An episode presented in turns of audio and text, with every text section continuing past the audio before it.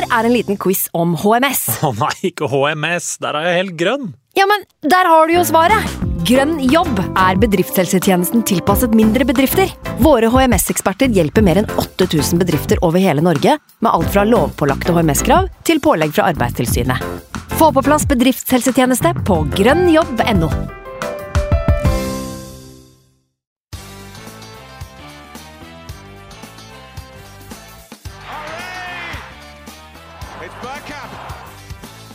for grabs now! The next station is Arsenal. Hei og velkommen skal du være til en splitter ny episode med Arsenal Station med Magnus Johansen og meg, Simen Goffeng. Tre deilige poeng ble sikra mot Southampton, selv om både opptakten og starten på kampen bar bud om en veldig kjip lørdag. Men heldigvis, Magnus, så ble det i stedet en veldig hyggelig ettermiddag. Både for de som var så heldige å få være på Emirates, og for oss som måtte ta til takke med våre nedsunkne sofaer. Hvordan var det å sitte hjemme og følge med på dette her når du egentlig skulle vært i London? Nå har vi snakka om det nok, egentlig, så vi skal ikke pine oss selv med mer, men det, det var litt vondt, var det ikke det? Det var vondt, men jeg glemte egentlig det med en gang den der eh, Aubameyang-situasjonen ble kjent i Twitter-ratet. Da, da, glemte jeg alt som handla om London-tur, og begynte å bekymre meg dypt for hva, hva som var, eh, var, på ferde. Og så i løpet av de første 20 minuttene av kampen så rakk jeg å bli så bekymra at jeg nok mista fatningen litt. Grann, at jeg begynte å, å, tenke at nå må han spanske kelneren eh, ta med seg hårvoksen sin og ta, sette seg på et tog i en annen retning. for at da, da, da, lot jeg følelsene styre litt. så Da følte jeg meg langt nede som Arsenal-supporter. Og jeg kunne ikke for alt i verden forestille meg at vi plutselig skulle våkne opp og bli peak Wenger-ball eh, etter det. Det var jo en uh, merkelig greie den første omgangen der. Men vi kan jo snakke mye mer om kampen etter hvert. Jeg syns jo vi skal uh, starte den poden her med det du er inne på aller først. Eh, Aubameyang. Uh, breaka vel noen uh, nyheter rundt det på fredag, var det vel. Han uh, Charles Watts i goal som uh, vel da skrev at han måtte stå over, men at det kanskje kunne være pga. noe At han følte seg unwell, var det vel. Mm. Men så dukker det jo da opp i prematch-intervjuet til Arteta at det er pga. disiplinære årsaker at Aubameyang ikke er med. Vi snakka sammen på telefonen uh, før avspark, og jeg også var vel relativt uh, følelsesstyrt der og da og tenkte at dette her borger jo ikke godt uh, for så vidt for kampen, men også for det som kanskje er Artetas hånd om den gjengen i garderoben. Da. For det, det, er klart at nå Vi har snakka litt om det i tidligere podder, at det kanskje kan begynne å se ut til å være en liten tendens der til at han ikke nødvendigvis styrer så godt over sine største navn og stjerner. Eh, så er det selvfølgelig ulike årsaker i, hvert enkelt tilfelle der, men, eh, men, jeg følte at dette her eh, Nesten uansett hvordan du vred og vendte på det, så, så, så det ikke bra ut. da. Og når du da får, får den starten på kampen også, så, så, får du jo nesten Føler du bare en bekreftelse på at dette her er ikke helt det er, det er et eller annet som ikke stemmer her, rett og slett. Eh, selv om spillerne kanskje ikke downed tools, som det heter. Det var jo en vilje der, opplevde jeg. Så, så syns jeg jo at uh, det var rett og slett uh, mye, mye å sette fingeren på. Og da, da, begynte vi å frykte det verste, begge to. Det skal jeg være så ærlig å si. Selv om du kanskje var enda mer doom and gloom enn det jeg var. Kjent stil. Ja, ja.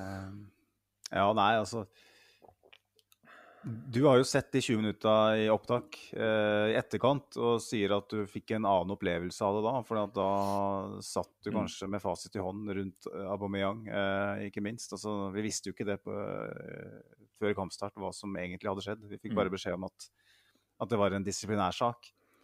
Og da, da, da, da, frykter man jo at, eh, at han har havna i PP eh, situasjonen. At, eh, at, at, Arteta ikke klarer å jobbe med fyren. Eh, det er ikke første gangen det her skjer. Eh, og eh, Artetas jobb er jo først og fremst uh, å jobbe med det han har.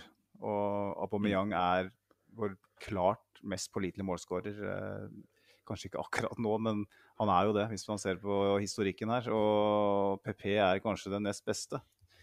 Eh, og så plutselig er man i en situasjon hvor, hvor den ene er vraka, og den andre ikke får spille uansett hva han gjør, omtrent. Selv om han kom på i 28 minutter dag, mot, mot Southampton. Altså da, da, lurer man jo på igjen. ikke sant? Du har William som kom til klubben og var eh, eh, helt ute av stand til å bidra. Eh, Øzil-situasjonen har vi nevnt. Eh, Thomas Partey som ikke, ikke presterer. Eh, så begynner man å lure på hva den stjernehåndteringa som er en så viktig del av å være en manager i en så stor klubb, eh, er det noe han ikke håndterer? Og i så fall hvor fort kan han eh, lære seg det? Det, det, er noe man er bare nødt til å, å klare å håndtere. Eh, fordi at Den kulturendringa som vi har snakka om, den er vel og bra.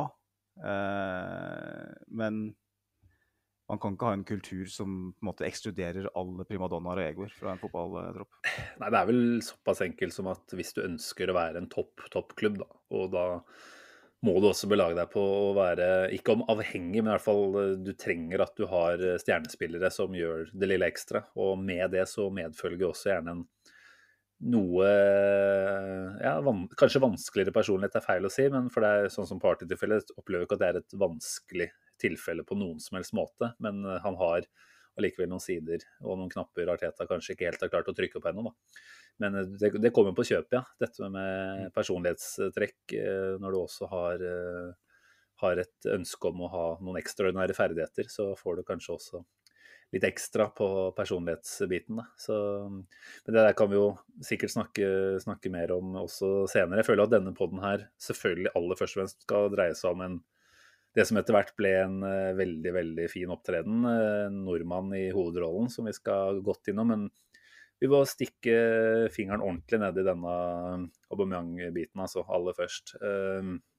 Det viser seg jo, hvis man skal tro The Athletic, som vi jo ofte kan stole på, at eh, problemet eh, i denne saken her var at Aubameyang da hadde reist på en tur til utlandet, som han jo hadde fått eh, lov til, men kommet for sent hjem. og da Sannsynligvis eh, har det gått utover noen eh, altså Det kan jo gå direkte utover at han har kommet for sent til eh, trening, bl.a. Men det kan jo også ha hatt noe å gjøre med at han ikke har kunnet avklares for covid-smitte og sånne type ting. da. Det vet vi jo altfor mye om du og jeg de siste dagene òg. At der skal man mm. sørge for å ha planlagt godt. Um, uansett hvordan du vrir og vender på det, så har han i hvert fall gått glipp av en kampforberedelsesøkt, kanskje, opp mot en viktig kamp. Når man har gått på to strake tap og, og du selv er ute av form, eh, så skal vi jo ikke ta Auba for at han reiser til utlandet. Han kan ha gode grunner for det. Eh, men eh, for meg så blir det litt sånn Uansett hvordan du vrir og vender på dette her, så blir dette Aubameyang sin feil. Du kan selvfølgelig diskutere litt rundt måten eh, det håndteres på fra klubbhold, fra Arteta sitt hold, som da er såpass ærlig som han er eh, i eh, intervjuer. Men, men, dette er jo Aubameyang som setter både seg selv og klubben i en vanskelig situasjon. Og ja, jeg, jeg, har lyst til å gå ganske langt i forhold til hvilke konsekvenser dette bør få for han. du kan jo få si litt mer om hva du syns både om eh, handlingen hans og hvordan eh, Arteta håndterte det først. Nei, Man lurer på liksom, hvor ofte skjer det her da, eh, i en mm. fotballklubb. Eh, Aubameyang gjorde det samme, ikke helt det samme foran Tottenham-kampen. Da kom han åpenbart for sent til kamp og ble tilvist plass på tribunen og kasta under bussen ettertrykkelig av Arteta. Og jeg reagerte før kamp i går med at nettopp det. Hvorfor i helvete kaster hun under bussen her nå? En fyr som er mm. så langt nede fra før, og så skal man på en måte bli hengt ut i media på den måten, eh, som klubbkaptein og hele pakka. Men så når det på en måte kommer fram at han rett og slett har vært på en utenlandsreise og kommer for sent, eh, i disse tider, disse mm. covid-tider, så tenker jeg jo i hvert fall at det er riktig at han ikke er med. Eh, vi vet ikke engang om han kunne ha vært med, mm. eh, sånn som situasjonen er. Eh, men så er spørsmålet da eh, Hva er riktig her? Er det å ta inn Wenger? For jeg er helt sikker på at Wenger opplevde det her mange ganger. Ikke, ikke, ikke selvfølgelig en pandemi, men eh, hvor mange ganger Mesut Özil hadde vondt i ryggen osv. Det, det kan vi jo telle på en hel generalforsamling og samtlige hender og tær. Eh, og det var alltid vondt i ryggen, litt småsjuk. Eh, jeg vet jo folk som eh, har observert han i, i Tyskland mm. når han liksom skal være sjuk. Det er helt tydelig at, at det foregikk ting der som ikke ble kjent for offentligheten. Så er spørsmålet da er det riktig å gjøre det på den måten som Wenger gjorde, og beskytte spillerne sine, selv om de på en måte ikke gjør som han, han ber om? Eller er det riktig å kaste altså, på Mourinho-vis og bare kaste, hive dem under bussen? Mm. Jeg tenker jo at så jeg vil si en ting, da. Jeg syns ikke det er så svart-hvitt som Wenger eller Mourinho i dette tilfellet. Nei, nei, men, nei, jeg jeg, jeg syns jo, jo, det skal Teta også ha litt ros for, at han er Altså, han krever Han er prinsippfast når det kommer til kravene sine til eh, spillerne. Og så syns jeg han også er veldig prinsippfast når han eh, kommer til hvordan han håndterer dette her. Fordi han, han gir den ene linja med info. Det var en, et brudd på disiplinærreglene. Går ikke noe mer i uh, detalj enn som så en Mourinho ville nok fort ha kunnet latt seg friste til det, mistenker jeg. Eh, jeg syns eh, det er ryddig av Arteta da, eh, å holde det på det nivået han gjør. Selvfølgelig så åpner det for visse spekulasjoner. Jeg ser jo noen som dro det så langt som at, at, Aubameyang skulle vært og tatt seg tattis istedenfor å dra på trening. der har du jo på en måte Twitters bakside, at da begynner sånne historier å, å sette fart også, ikke sant. Mm. Men, men, jeg må bare si at uh, sånn som jeg opplever dette her, da, det er, det er ikke første gang, som du sier. Eh, altså Tottenham var et kjipt eksempel. Ja, det var trafikk i London den dagen der, og da kan du selvfølgelig unnskylde det til en viss grad, men eh, det er vel også sånn man kan begynne å lure på om det kan være flere, om ikke så store tilfeller, i hvert fall tilfeller av at Aubameyang ikke nødvendigvis er like pliktoppfyllende når det kommer til å følge opp disse såkalte non-negotiables eh, som Arteta har satt. Mm. Og, og, Arteta er i en pressa situasjon. Eh, hvor pressa vet vi ikke. Det kan at han har ganske så god eh, backing innad i klubben, så han ikke føler seg altfor stressa. Men, men, han ser at han etter to kamper på rad med tap trenger å vinne hjemme hos Southampton. Hvis det er sånn at hans kampforberedelser eh, som sannsynligvis involverer Aubameyang, da må eh, omrokeres på, fordi Aubameyang ikke selv gjør seg eh, tilgjengelig. Eh, så skjønner jeg at det potensielt sett går direkte utover Arteta, da, og at han eh, har vært såpass tydelig som han har vært. Jeg tenker at det er en veldig lett, objektiv, målbar måte dette her å gjøre det på. Så vi har noen prinsipper. Følger du ikke de, så, så får det konsekvenser. Eh, og så tenker jeg at eh, nå, nå funka det ikke forrige gang å ta dette ut i media. Og da kan du lure deg på, selvfølgelig på verdien i å gjøre det en andre gang. Eh, betyr det at Aubameyang gir litt faen? At han ikke er så At det er litt for lemfeldig, da. Det synet han har på Kall det regler og, og hva han skal måtte forholde seg til av autoriteter. I så fall så, så har vi et problem. Ja. Det har vi kanskje uansett. Det kan jo også si noe om at eh, hadde, hadde vi eh, savna eh, Aubameyang mer enn dette her, eller hadde vi vært mer avhengig av han enn, enn det vi har vært i det siste, så hadde vi kanskje håndtert det på en annen måte. Det er lettere å gjøre det på denne måten når han er mindre, mindre klart førstevalg også, da. Det var jo veldig mange som ikke ville se han i førsteelveren til denne kampen uansett. Eh, så sånn sett så kan du jo si at, eh, at det var en, eh, en, mindre vanskelig avgjørelse for Arteta å, å, ta det ut av. Men jeg tror han ville gjort det uansett, sånn som vi har blitt kjent med han nå. Ja. det er jo en skittentøysvask som blir tatt i full offentlighet, da, og det, det, det mener jeg fortsatt kanskje ikke er riktig. jeg mm. syns det var veldig feil Eh, sånn i hvert fall i etterpåklokskapens tegn, som er en presis vitenskap, så, så jeg, ganske, er jeg ganske klar på det fortsatt. At det som skjedde med Tottenham, det syns han burde ha tatt internt. Mm. Eh, et Nord-London-derby. Eh, han sitter på tribunen der til spott og spe. Eh, en som har gjort så mye for klubben, tross alt. Jeg syns det ble feil. Eh, men det her er noe litt annet.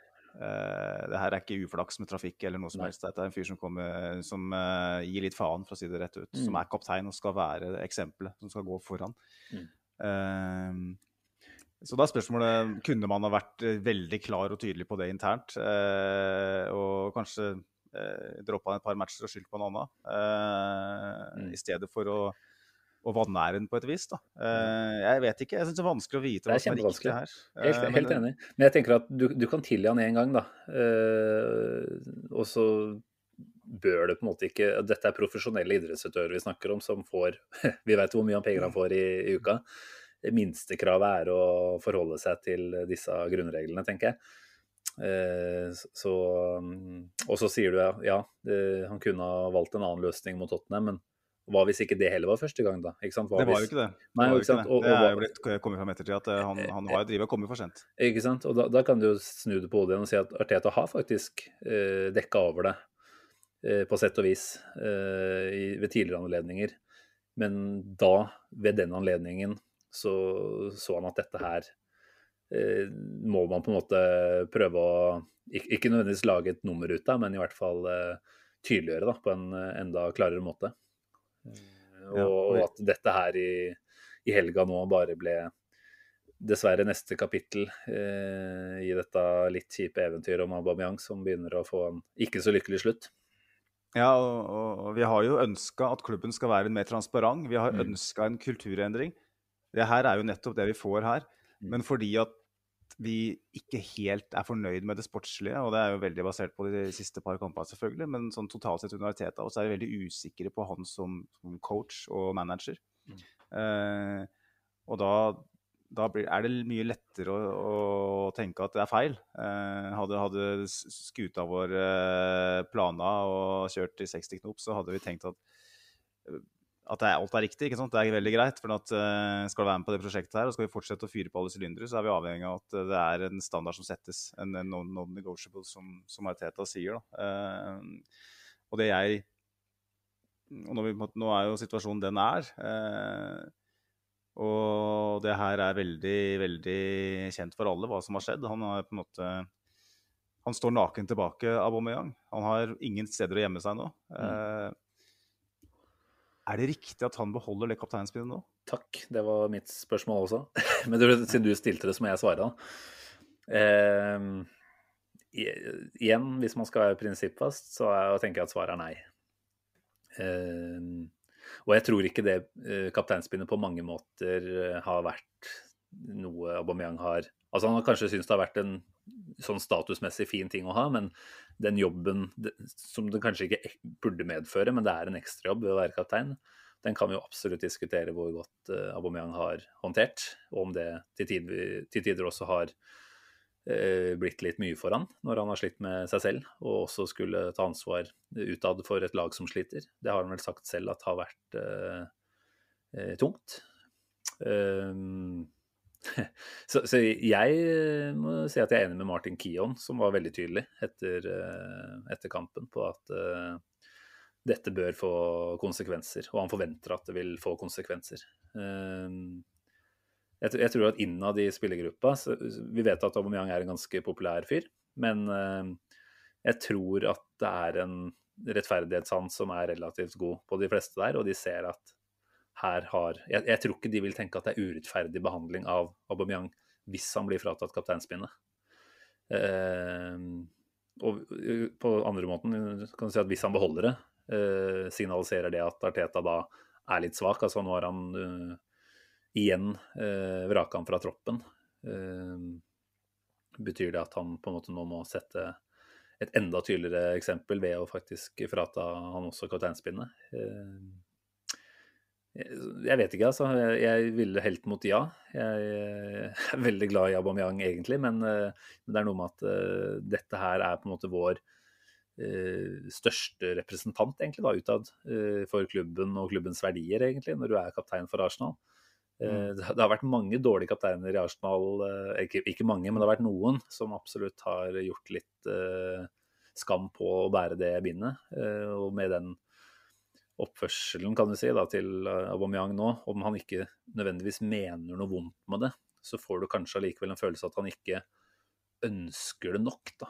Eh, og når du er i den privilegerte situasjonen du er, være toppbetalt og kaptein i Arsenal, så skal du være ekstremt ydmyk for den oppgaven, syns jeg.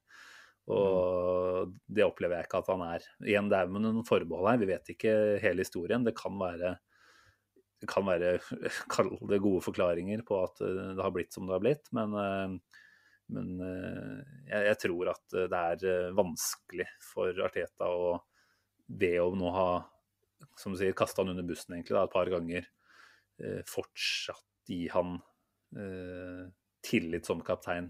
Men hvis det er sånn at Aubameyang nå på bakrommet, inn i garderoben, legger seg langflat, eh, kanskje har en grei forklaring på hvorfor det ble som det ble, så er det sikkert en vei tilbake der også. Så det er jo igjen, det er ikke svart-hvitt dette her. Det øh, det, er ikke det, men, men utad så vil det jo sannsynligvis kunne oppfattes som litt grann veikt, kanskje, hvis han ikke gir han noen konsekvenser øh, for dette her. Altså i tillegg til det han allerede har gjort. Eh, så kan du selvfølgelig også si at eh, å bytte kaptein midt i sesong er potensielt opprivende og kan medføre en del eh, Kall det mental slitasje på, på spillere. Eh, vi veit jo at det er noen klikker. Eh, men igjen, Lacassette var mannen som gikk ut som kaptein. Det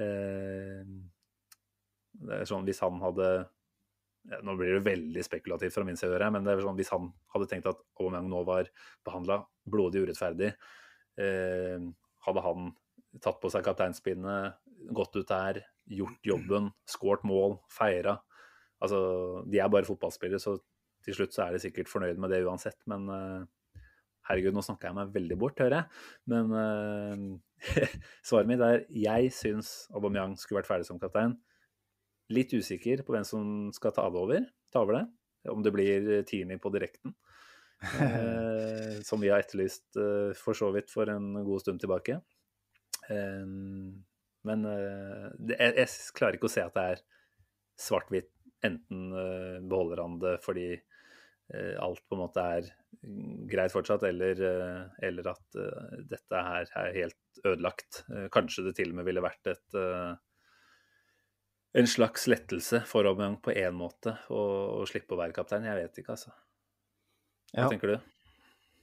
Nei, altså nå syns jeg det oppsummerte såpass bra at jeg trenger ikke å, å, å bruke så mye tid på det. Men uh, jeg òg føler vel at, at, kanskje det er på tide å Hvis det på en måte skal være non-negotiables her, uh, og man skal være så tydelig som Arteta er, så, så må det iallfall være en diskusjon på bakrommet nå. Uh, hvor langflat er du villig til å legge deg? Mm. Eh, hvilke, hvilke, type ansvar er du villig til å ta nå i kjølvannet av det her?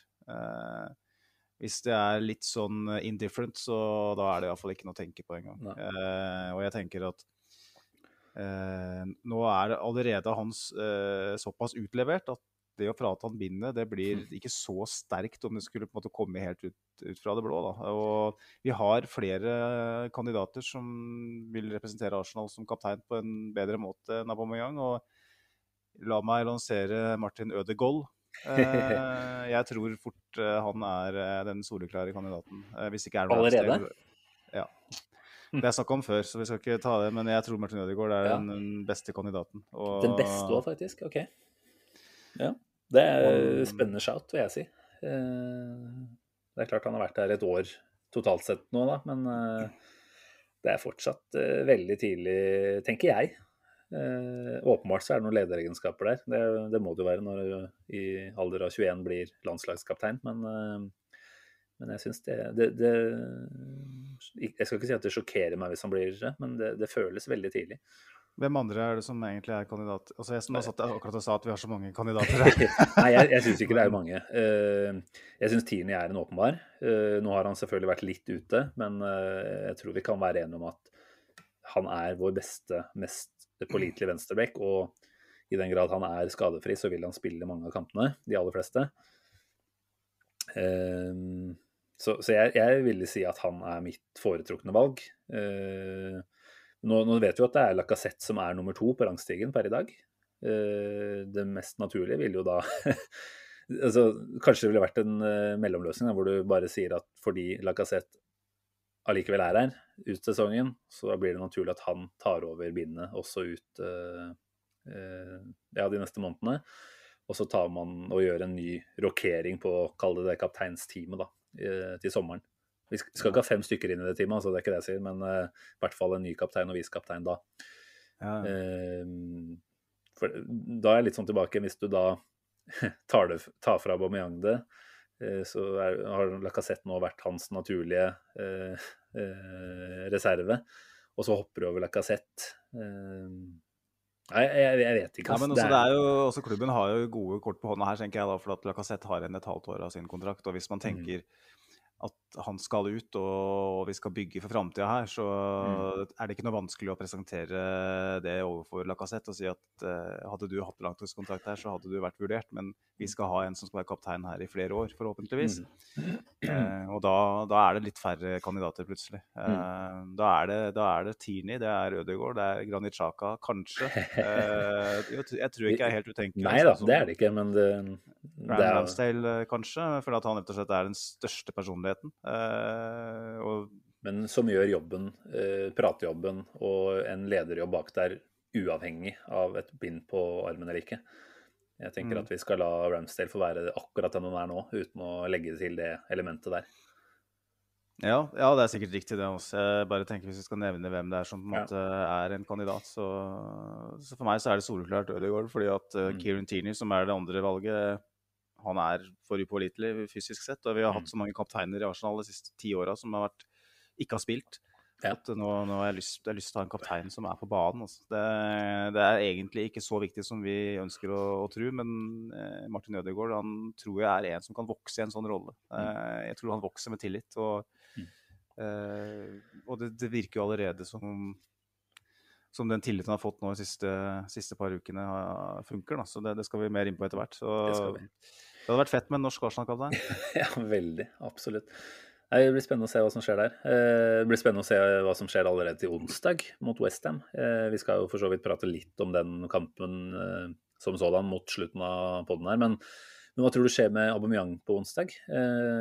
Arteta svarte vel på direkte spørsmål er dette en enkelt vurdering du gjør i dag, eller er det en del av en lengre reaksjon? Og da, da svarte han vel 'It starts today'. Mm. hva det betyr, er jo vanskelig å si. Og det, det, kan jo hende at han rett og slett ikke har fått en reaksjon, enten positiv eller negativ, fra Aubameyang ennå. At han ønsker å holde det åpent. Se hva som skjer de neste dagene. Eh, som du sier, hvis Aubameyang kommer inn og legger seg langflat og virkelig viser at dette her angrer han på og ønsker han å gjøre godt igjen, er det godt mulig at Arteta har han tilbake igjen allerede der. Vi skal ikke glemme at Aubameyang er vår mest pålitelige målskårer, egentlig. Eh, det er én eh, ting å på en måte gi én sånn reaksjon per én kamp, men å, da skulle sette han ut igjen, da, da begynner du også å føle på at veien tilbake blir, eh, blir lenger. Kan kan ta med et lytterspørsmål i den forbindelse vi fikk fra Julian Dennis på, på Facebook. Han, eh, han, spør jo hvor lang er veien tilbake inn i elveren for ABBA. og Det da er jo et todelt spørsmål, egentlig. Både nå før man vet hvordan kapteins, eller den situasjonen rundt disiplinærsaken er, og også på det sportslige. da. Hva tenker du der? Altså, jeg tenker Hvis du ser bort fra det eh, disiplinære her, så, så bør veien være veldig kort eh, tilbake i laget. Vi trenger Aubameyang, og hvis han ikke skal bidra Hvis det er sånn nå at eh, det er noen bruer som blir brent her, eh, eller rett og slett at han ikke fysisk, eh, mentalt på noe som helst slags vis klarer å være den Auba som vi trenger at han er, da har vi et gigaproblem. Mm. Et kjempeproblem. fordi at hvor skal målene komme fra? Martin Ødegaard goal, Martin Ødegaard kommer ikke til å golle i hver eneste match. Uh, Emil Smith-Roe er eh, en målskårer, uh, åpenbart, men han kommer heller ikke til å Skårer han 10-12 ligamål, skal vi være jævlig godt fornøyd. Mm. Med tanke på at han er en ung, ung, spiller som aldri har hatt en sånn rolle i et sånt lag. Bukayo Saka skårer ikke Han kommer til å skåre en del, men han kommer ikke til å skåre mer enn maks si ti ligamål. Uh, Lacassette Han skårte nå, men det er en sånn klassisk Lacassette-skåring. Når han liksom får masse plass og kan liksom virkelig brette den der foten sin rundt ballen og sette den opp i, i, i vinkelen.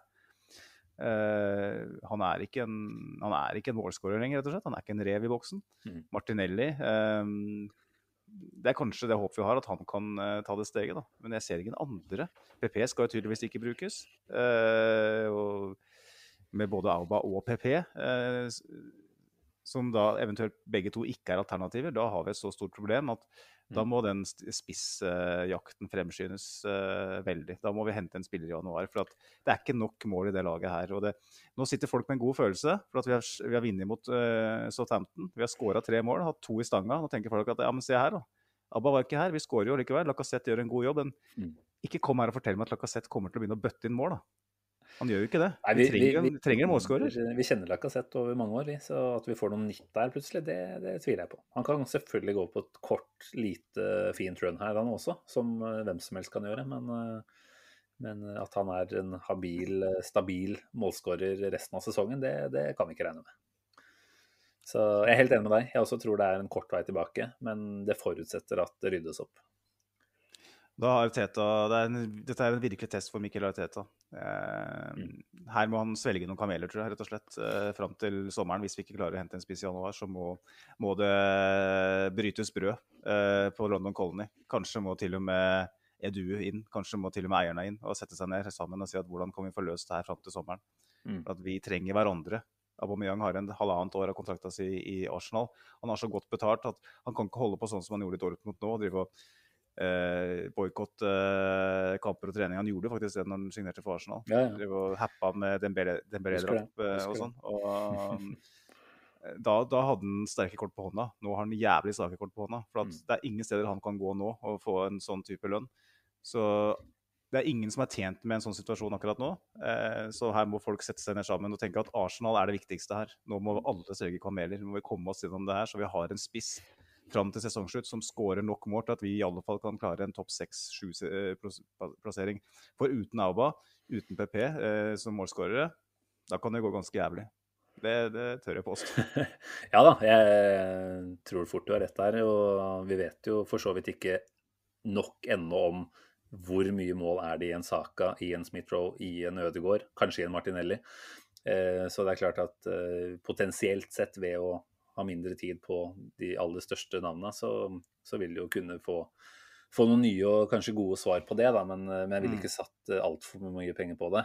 Og at Aubameyang er en vi bør kunne belage oss på at i hvert fall dunker inn en eh, ti kasser til da, fra nå og ut sesongen, det, det, det tror jeg vi skal både håpe og tro på. Da, da må han jo spille. Vi får se. Men du, nå har vi snakka mye om det. Kanskje vi skal snakke litt om kampen nå, eller? Ja, eh, først, før- det, Simen, så nå har vi brukt en halvtime på å ikke snakke om kampen som vi skal snakke om i dag. Eh, men eh, vi må snakke litt om eh, samarbeidet vårt med Arsenal Norway. Ja. De hyggelige menneskene som vi blant annet skal møte i London disse dager. Oh. Eh, jeg sånn forstått sånn at det er flere av dem som ikke har reist over òg. Det, det er vel noen som har reist, og andre ikke. Eh, Mm. Og det, sånn er det. Men eh, vi har et samarbeid gående med dem, og vår klare oppfordring er jo å melde seg inn i den supporterklubben, da, som eh, er 250 raske kroner eh, for bare krem og kokos og glede. Eh, seks eh, fullstappa supportermagasiner rett i postkassa eh, med kjempebra Arsenal-stoff. Du får mulighet til å søke på billetter på samtlige hjemmekamper. Til og med, kanskje får du til og med dratt til London og sett dem. Nei, ikke bare tvilsomt, tvilsomt. Eh, og i tillegg så får du rabatt på supporterutstyr. Var det fotballbutikk.no, ikke sant? Helt riktig. Og som nevnt eh, muligheten til å treffe med, eh, medsvorne gunere eh, på turer som man òg kanskje får reist på. Mm. Eller møtes i Oslo på de ulike arrangementer eller andre steder i Norge. Så eh, begynn å spare, da, og ønsk dere penger til jul, de som ikke klarer det. Eh, så får vi enda flere medlemmer, så vi kan klatre forbi Leeds igjen, i hvert fall, på den eh, statistikken her. Ja, og dessverre også Tottenham.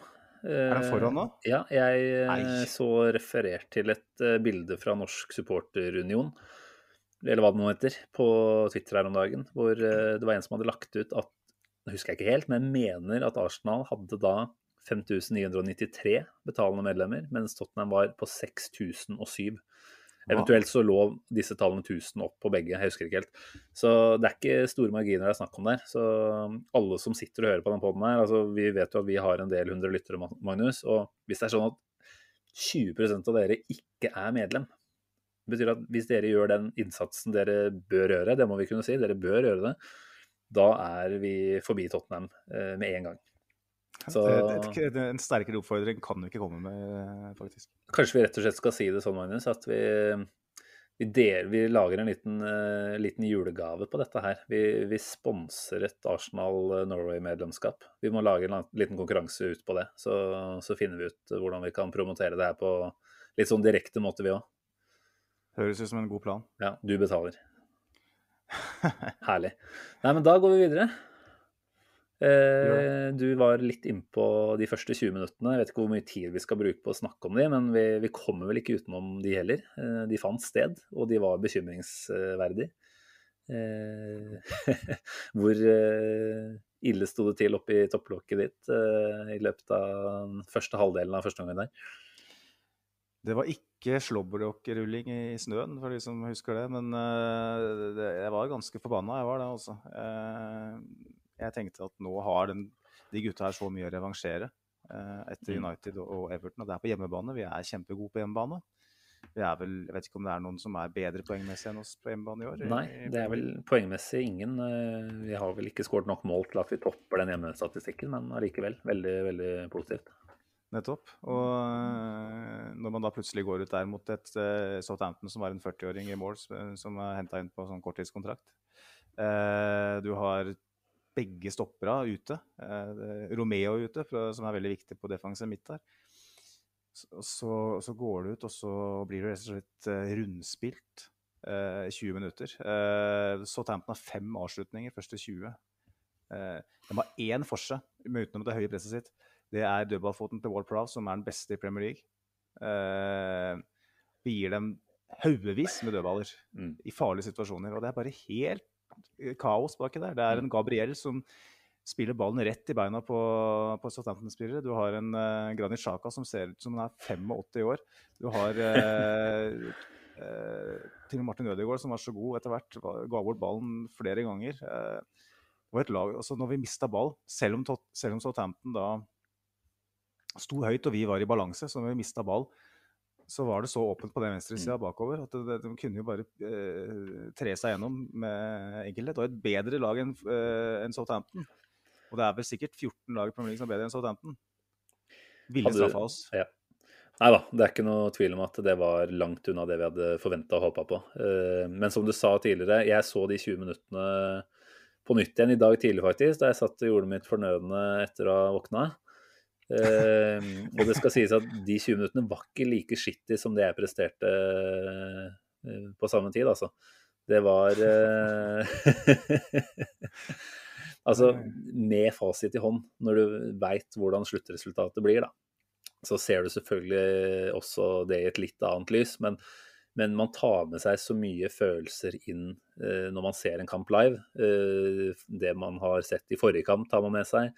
Eh, opptakten med Aubameyang-saken og hele den pakka der tar man med seg inn. Og det er klart, i det negative lyset der, så føltes også de første 20 minuttene på lørdag, eh, da jeg så de med et halvt øye mens jeg sto og rørte rundt i grøten, eh, det føltes kjempedårlig og veldig, veldig skremmende. Det var definitivt ikke så bra, men når jeg så de på nytt, da, da syns jeg at vi har vi er mer med enn det jeg fikk inntrykk av. da. Og de, det opplevdes mindre farlig, det Southampton holdt på med. Igjen, når man vet hvordan det ender, så, så, er det selvfølgelig sånn at man ikke frykter et skudd fra den ene eller andre posisjonen like mye. Så jeg vet ikke helt hvilken versjon av meg selv jeg skal stole mest på der. Men, eh, men jeg, jeg syns ikke det var så håpløst. Men ja, det var dårlig. Eh, så så, så, der og da, eh, på lørdag, så frykta jeg jo at hoi, nå, nå, er vi virkelig ille ute her. Hvis vi havner under her nå, som vi selvfølgelig kunne ha gjort, så, så skulle vi jo virkelig fått slite med å, å slå tilbake igjen, tror jeg. Ja, et det... lag ribba for selvtillit. Eh, og det var vel det vi først og fremst så de første 20. Det var et lag ribba for selvtillit og veldig usikkert. Og litt sånn all over the place, eh, blant annet takket være en Sjaka som er innpå, som er eh, Det har vi også fått noen lytterinnspill på, at han ser både rusten og gammel ut, og det ene og det andre. Det er vel både både Håkon eh, Skal vi se, hvem er det som har skrevet her? Kristoffer Gullberg skriver at han er at Sjaka var både treig og rusten, og foreslår at vi sender Lokonga inn til neste. Mens Jeg burde blind, jeg finner ikke alle. Håkon Førresdal. Eh, Silje Svendsen eh, skriver sammen at Sjaka ser eh, ja. litt rusten ut. Eh, Håkon eh, Førresdal han sier at Sjaka ser helt sinnssykt off pace ut. Mm. Veldig svak kamp. Helt enig. Det var akkurat det han gjorde. Han mista ball uh, altså den første halvdelen av første gangen der. Jeg tror jeg telte opp i dag tidlig. da, Jeg tror ikke han hadde en eneste god involvering omtrent. Han er, Det eneste positive du kan si om Sjaka, er at han ofte befinner seg i et uh, rom uh, på banen hvor vi kan ha en tendens til å være veldig åpne. da. Så med Sjaka så får du i hvert fall en viss sånn posisjonell stabilitet mm. som kan bli borte med andre. Og det kan det hende at som vi har snakka en del om, kan smitte positivt over på Party. Jeg syns Party spilte seg opp utover i den kampen her, og har forhåpentligvis fått på seg litt selvtillit før det som kommer om bare noen dager. Så, så ja, det, det, var en dårlig start. Eh, men til tross for den dårlige starten, da, så fortsetter jo vi og vi har gjort noen forsøk på å spille oss ut allerede de første 20, som ikke ender så veldig bra, med brudd høyt opp i banen for Southampton. Men etter akkurat runda 20, vel, så, så, spiller vi oss ut bakfra. Ramsdale setter i gang. Opp langs høyre. Saka som utfordrer én mot én og legger inn til Lacassette. Og det målet der, det må vi bare hylle. Mm. Altså, det er ja, Wenger-fotball på sitt beste. Kanskje også Arteta-fotball på sitt beste. Det var uh, veldig gledelig. Mm, det var veldig bra, det målet. Eh, og det kommer litt ut fra intet, og det var vendepunktet for så vidt i kampen. Eh, og mm. flere gode involveringer der. Det var jo veldig tight eh, med Ramsdale der først. og tenker at Jeg begynte liksom å etterlyse litt in game management. og så Her står også 15 kjempehøyt og vinner ball og vinner ball. Eh, hva med å prøve å, å, løfte den ballen over, eh, eller rundt? Mm. Eh, fordi de som sto bak der så 15 i går, det var ikke, ikke A-laget, for å si det sånn. Det var ikke gullrekka. Mm. Eh, sånn at eh, det var noe å hente der, da, men Arsenal fortsatte og fortsatte. og fortsatte, Var for så vidt tålmodig og holdt seg til gameplan. og Det er jo noe ved det som man skal hylle. Mm. Eh, og man får òg belønning for nettopp det. da, og så må jeg jo likevel si at eh, en del av det forsvarsbudsjettet til 15 uh, ikke akkurat uh, er all verden, da. Uh, dette her er et eh, Southampton-lag, et Hasenhyttel-lag som har tapt 9-0 to ganger i løpet av de siste par åra. jeg, jeg tror et Liverpool f.eks. i går kunne ha skåra en sju-åtte mål. Altså, for mm. det, det, det, det, må vi være litt ærlige på, at det Southampton-laget her var dårlig det forsvaret der, og det midtstopperne de holdt på av og til. Hvordan de begge falt av når Lacassette fikk lov til å bare stå der. Han kunne jo dempa ballen, han kunne jo stoppa ballen der og fortsatt å rekke å trekke det av. Så det er veldig mye svake prestasjoner. og En keeper som er ute på, på vidda flere ganger. Og, eh, men akkurat det skåringa der eh, Jeg vil ikke ta bort noe mer fra den. Eh, og det var, det var, vakkert, og det var viktig. Det var første skuddet vårt, uh, iallfall på mål. Jeg tror det var første skuddet vårt totalt. Uh, vi er effektive, setter den. Jævlig viktig at vi gjør det. for mm. Jeg tror vi trengte den opplevelsen. da. Og Vi er det yngste laget i Premier League. Kanskje er det slik at vi må uh, takle og tolerere at, at, når vi er nede i en dyp dal, så, så vil det være litt vanskeligere å grave seg ut igjen. Uh, og Vi har jo snakka mye om at Arteta han er nødt til å lære det. altså Lære det å, snu vonde trender. Han hadde, trend i, han hadde hatt flere trender som har vært vart for lenge. Eh, og den trenden her, og det føler jeg at hadde vi hatt litt tyngre kampprogram nå, eh, så kunne det her blitt veldig vanskelig å komme seg ut av. Så Tampton hjemme med, Kaba, nei, med Willy Caballero i mål, det var akkurat det doktoren foreskrev.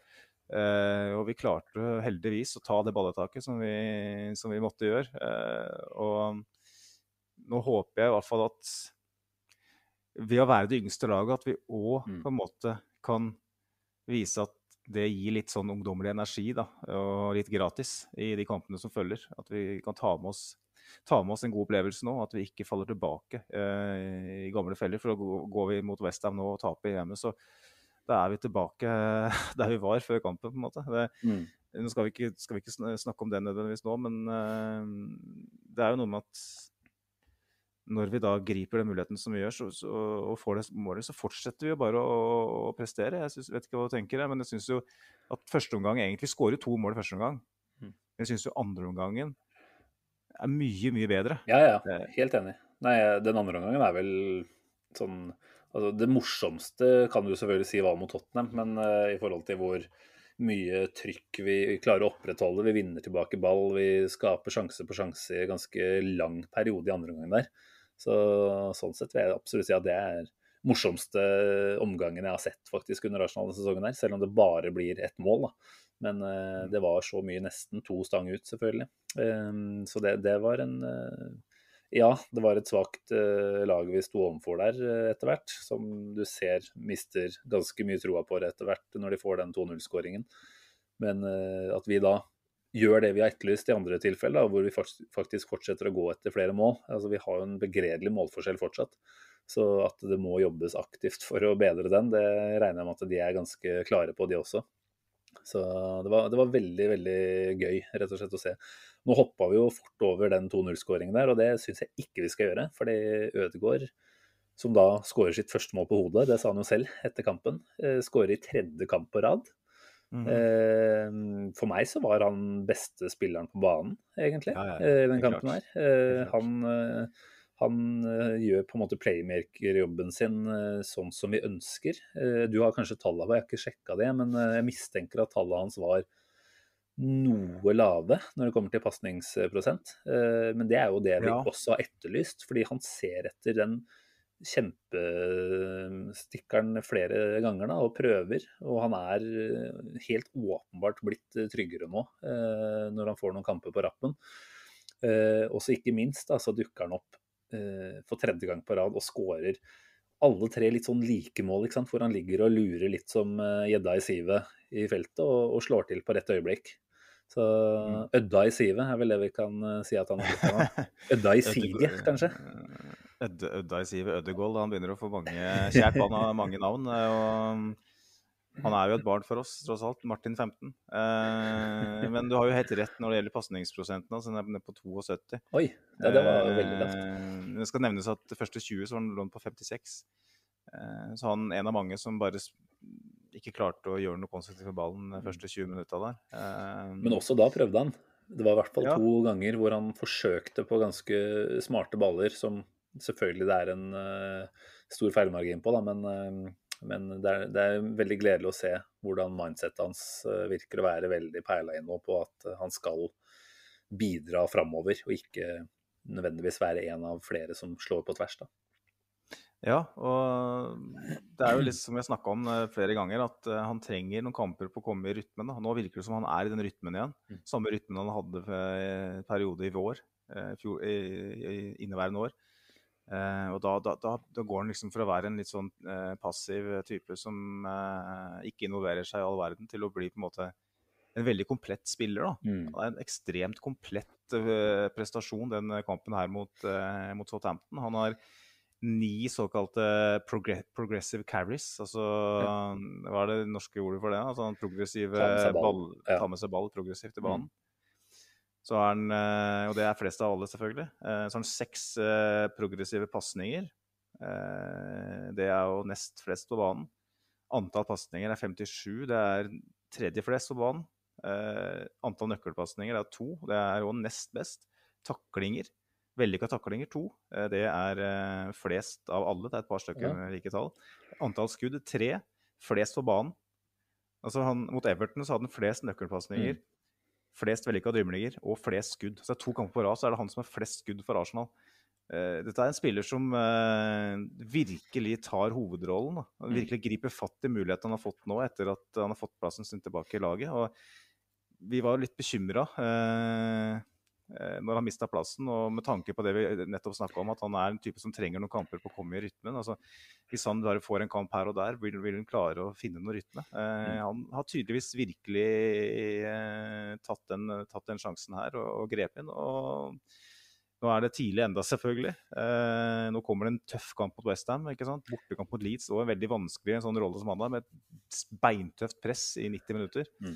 Eh, men jeg syns det lover veldig godt. Eh, Martin Ødegaard har vært den beste spilleren vår eh, i eh, desember. Og, og fy faen så vi trenger det!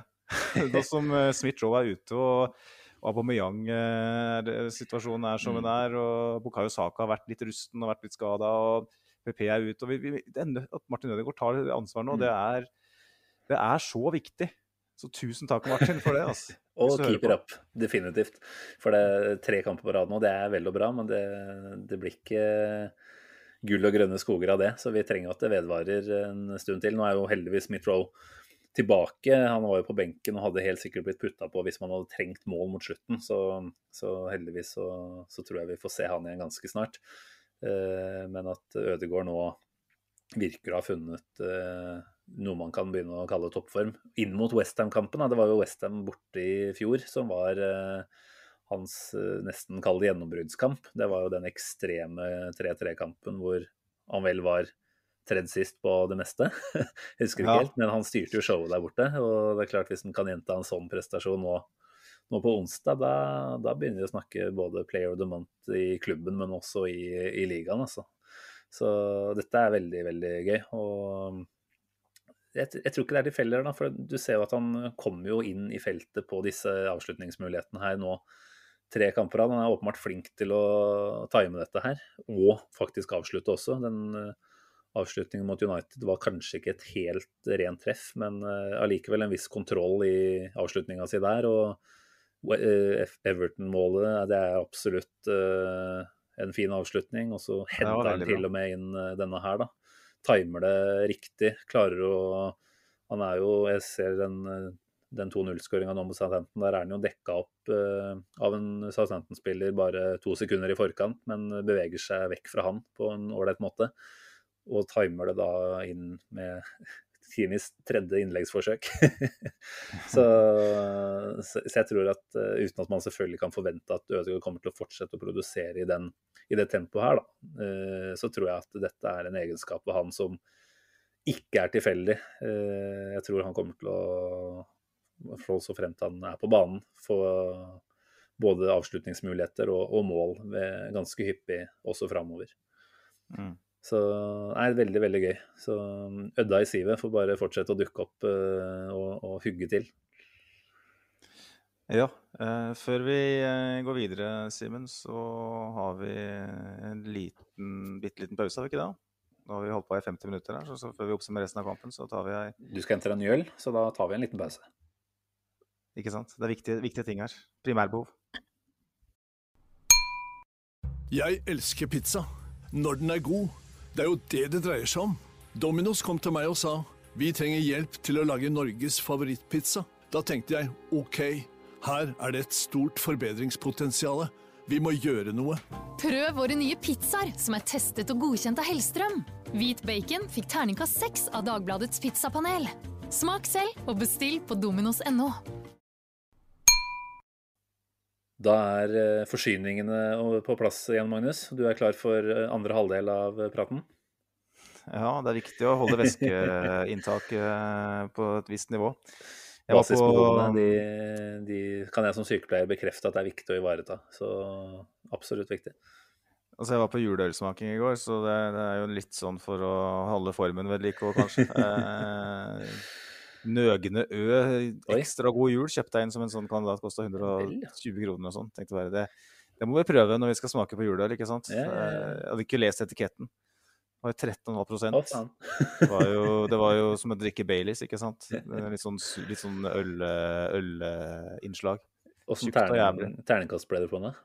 Den, det var den som testa dårligst av samtlige. Men jeg hadde med to, to jenter, da. Så, Nei, men hva- og de liker bare det lys... Det, altså, i, hvert fall, I hvert fall min uh, samboer, hun liker jo bare lys øl. Hun liker ikke juleøl. Så det blir litt sånn Begge to var litt sånn. Så det, det er noe med at uh, når man skal ha, sette et totalresultat på noe sånt, så må man, må man ta litt høyde for at alle kanskje ikke liker juleøl, og da, da blir det litt feil. Ja, Så, men Nei, den nøgne ø, den var eh, nøgent vond, for å si det sånn. Eh, Ja, ja. det endte Nei, faktisk med å he- helle ut halvparten i bøtta. Det Oi, sier det meste. det er kriminelt å si, egentlig. Jeg sitter her selv, jeg, med en makk eh, vellagret juleøl som jeg til alle våre lyttere over 18 år varmt kan anbefale. Den, eh, den funker veldig bra både til julemat og som, eh, eller, som alenedrikk. Så den eh, Nå skal ikke vi være en sånn pod, Magnus, som driver og oppsnakker alkohol. Vi er tross alt en fotballpod, men eh, akkurat eh, nå inn mot jula, så Ah, Akkurat nå inn mot jula, nå at det også ble dumt å si, for det er jo gjerne da det er litt for mye alkohol. Så, Det det. så ta det pent da, dere, med alkoholinntaket. Men, men hvis det skal drikkes noe, så drikk noe godt, og, og drikk lite av det. Så, så nyter man det ekstra mye. Kjøper deg en nøg- kjøper deg en nøgne ø, så er det bare én. Kast, kaster ut halvparten, så da, da blir du i hvert fall ikke for full. Greit. Uh, vi skulle vel eh, fortsette å prate om uh, kamp, vi. Uh, Ødegård har vi hyllet eh, behørig. Eh, tenker at han har fått som fortjent. En annen som jeg også syns fortjener altså Ja, Ramsdale har du nevnt litt, og han var nok en gang ekstraordinær. Altså, sjansene til Southampton er jo ikke kjempestore, men han tar det som kommer. Har jo et ekstremt bra utspill til eh, Martinelli, da. eh, som jo er den jeg ville snakke litt mer om nå. Eh, For eh, etter å ha vært, skal ikke kalle det i fryseboksen, men i hvert fall ganske langt ut av Artetas eh, eh, 14 utvalgte, så har han nå spilt i tre kamper på rad, vel? Han kom vel inn mot, uh, mot United òg, gjorde han ikke det? Uh, Jo. og uh, er jo en eh, Alexis eh, Sanchez-variant eh, i mye av det han foretar seg på, på lørdag nå mot Southampton. Det er eh, i hvert fall i mine øyne mye som minner om uh, chileneren. Altså. Eh, og da snakker jeg om de gode sidene hans, ikke det at han ditcher oss for United i løpet av, eh, i løpet av noen eh, år. Eh, særlig det stangskuddet. Da fikk jeg skikkelig flashbacks til eh, eh, hjemmekamp mot Borussia Dortmund, hvor Alexis Ja, ja, har omtrent akkurat samme bevegelse, og da ikke treffer stolpen, da, for så vidt, men køler den inn i lengste. Mm. Eh, og litt i forhold til dette drivet han har med ball, tyrenakken som han bare eh, bøyer ned og, og gunner på framover. Teknikk som etter hvert begynner å bli bra også. Så det Martinelli drar opp med, det er eh, selvfølgelig ikke bare bare bra, men eh, veldig positivt eh, i de fleste involveringer. Så Ja. et spørsmål fra en lytter i den forbindelse er jo da også også fra Skal vi se Hehe. Planlagt hadde jeg jo ikke gjort dette her. Eh, hvem var det som spurte? Det var Håkon Forresdal igjen. Vi har nevnt her tidligere. Eh, Martinelli begynner å se ut som seg selv igjen, skriver han. Blir han droppet når eh, Smith-Roe er fit igjen? Det er jo for så vidt en større diskusjon hvor du kan involvere spissen også, da. Ja, for spørsmålet er jo om Martinelli da er en, kandidat til å spille på topp. Eh, jeg tenker jo at det er naturlig at Martinelli eh, mister plassen sin. Eh, rett og slett fordi at Bukayo Saka er beste alternativ på høyrekant. Mm. Martin Ødegaard per nå er i kjempegod form i, i tierrolla, og da er det naturlig at Smith Rowe, som er kanskje den beste spilleren vår eh, denne sesongen her, eh, i hvert fall offensivt, eh, spiller ut til venstre. Og jeg tenker at det er lite dramatikk i det. Mm. Eh, nå har Arteta virkelig vist at Martinelli er en spiller han er villig til å gi minutter til. Og um, det kommer, nå, er det, nå kommer tett, kampene tett som hagl. Eh, det vil skje skader, det kan komme suspensjoner. Eh, det vil være behov for rotering. Men når vi skal stille førsterekka, så, så mener jeg fortsatt at Martinelli er eh, en som skal sitte på benken. Mm. Men jeg var veldig fornøyd med hvor voksen den prestasjonen hans var mot Southampton. Fordi at vi snakker om, Du nevnte jo Alexis Sanchez og hans dårlige sier, og det var jo kanskje noen ganger at han kunne ha vært litt mer kjølig og tålmodig noen, noen få ganger. Det var jo, var jo en styrke først og fremst at han var så direkte, men noen ganger så ble det litt for mye. og Martinelli har jo faktisk best pasningsprosent av samtlige offensive spillere eh, i Arsenal i går. Han har eh, flest vellykka taklinger av samtlige eh, på banen. så han gjør så mye mer altså han, han, ja, Når jeg ser Martinelli spille fotball av og til, så tenker jeg at en sånn veldig sånn enkel og konstruktiv tilbakemelding jeg ville gitt til han som trener på et treningsfelt, er at løft blikket ditt. Av og til så limer han blikket sitt ned på ball. Og så går han glipp av eh, de, det som skjer foran, og det som skjer rundt den.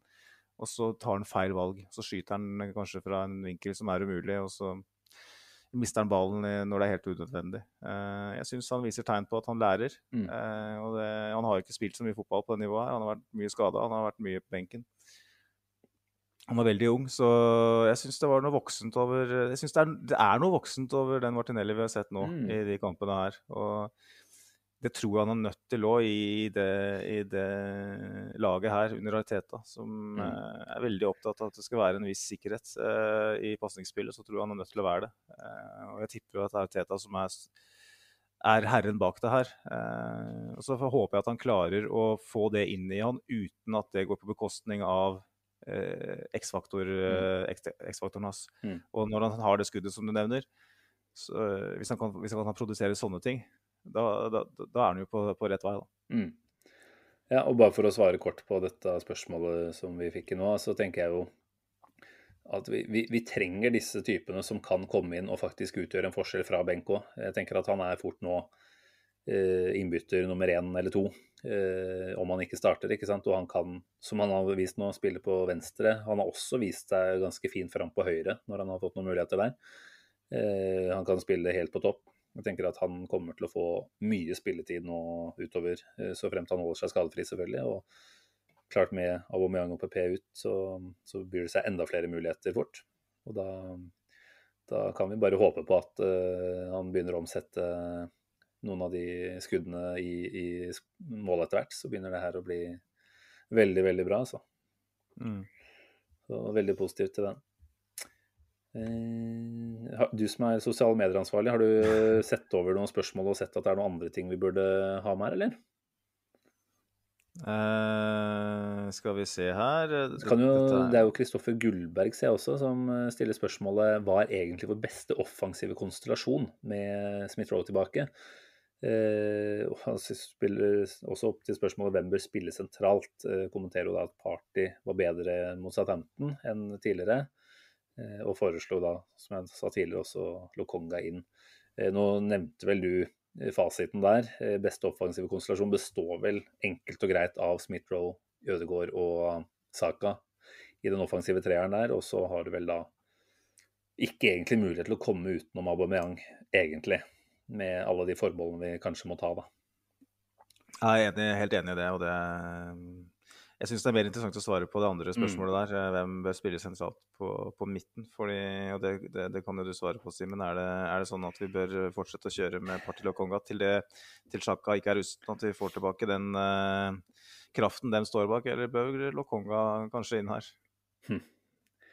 Altså, isolert sett, spiller for spiller, så ville jeg jo sagt uh, at uh, Lokonga Party kanskje hadde gitt meg uh, mest uh, tro på at vi fikk se gode prestasjoner. Men så er det jo det med dynamikken her, da. Og det er ikke noe vondt om den dynamikken mellom Zambi og, og Party, men ting kan jo tyde på, som vi har sagt mange ganger nå, at Party har et behov for å ha en viss trygghet ved siden av seg.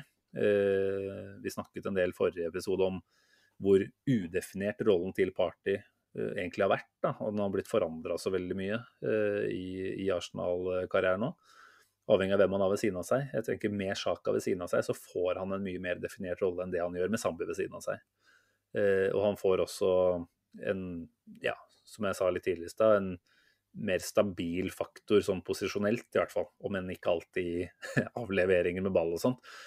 Eh, det er klart eh, Hva jeg har mest troa på, på i løpet av et års tid, så, så, vil jeg jo helst komme meg utenom Sjaka. Men hvis jeg skal si resten av den sesongen her eh, Nå kan vi jo også begynne å snart ut, regne ut party av den eh, ligninga her, fordi han blir borte. ikke sant? Og da kan du jo selvfølgelig også si at man burde begynne å spille inn Zambi og Chaka eh, en del nå før januar også, bare for å teste ut det. Eh, det må man jo da ende opp med å teste ut eh, i løpet av januar uansett. Mm. Men, men, jeg tror ikke vi kommer utenom Sjaka når han er skadefri. Så enkelt er det. Så det er det feige svaret. Uansett hva jeg mener, så er Artetas foretrukne mann Sjaka. Og, og, med den investeringen man har gjort i Party, med den statusen han har som senior i troppen, og også man vet jo at han har et høyt tak, ikke sant. Han har et høyt maksnivå.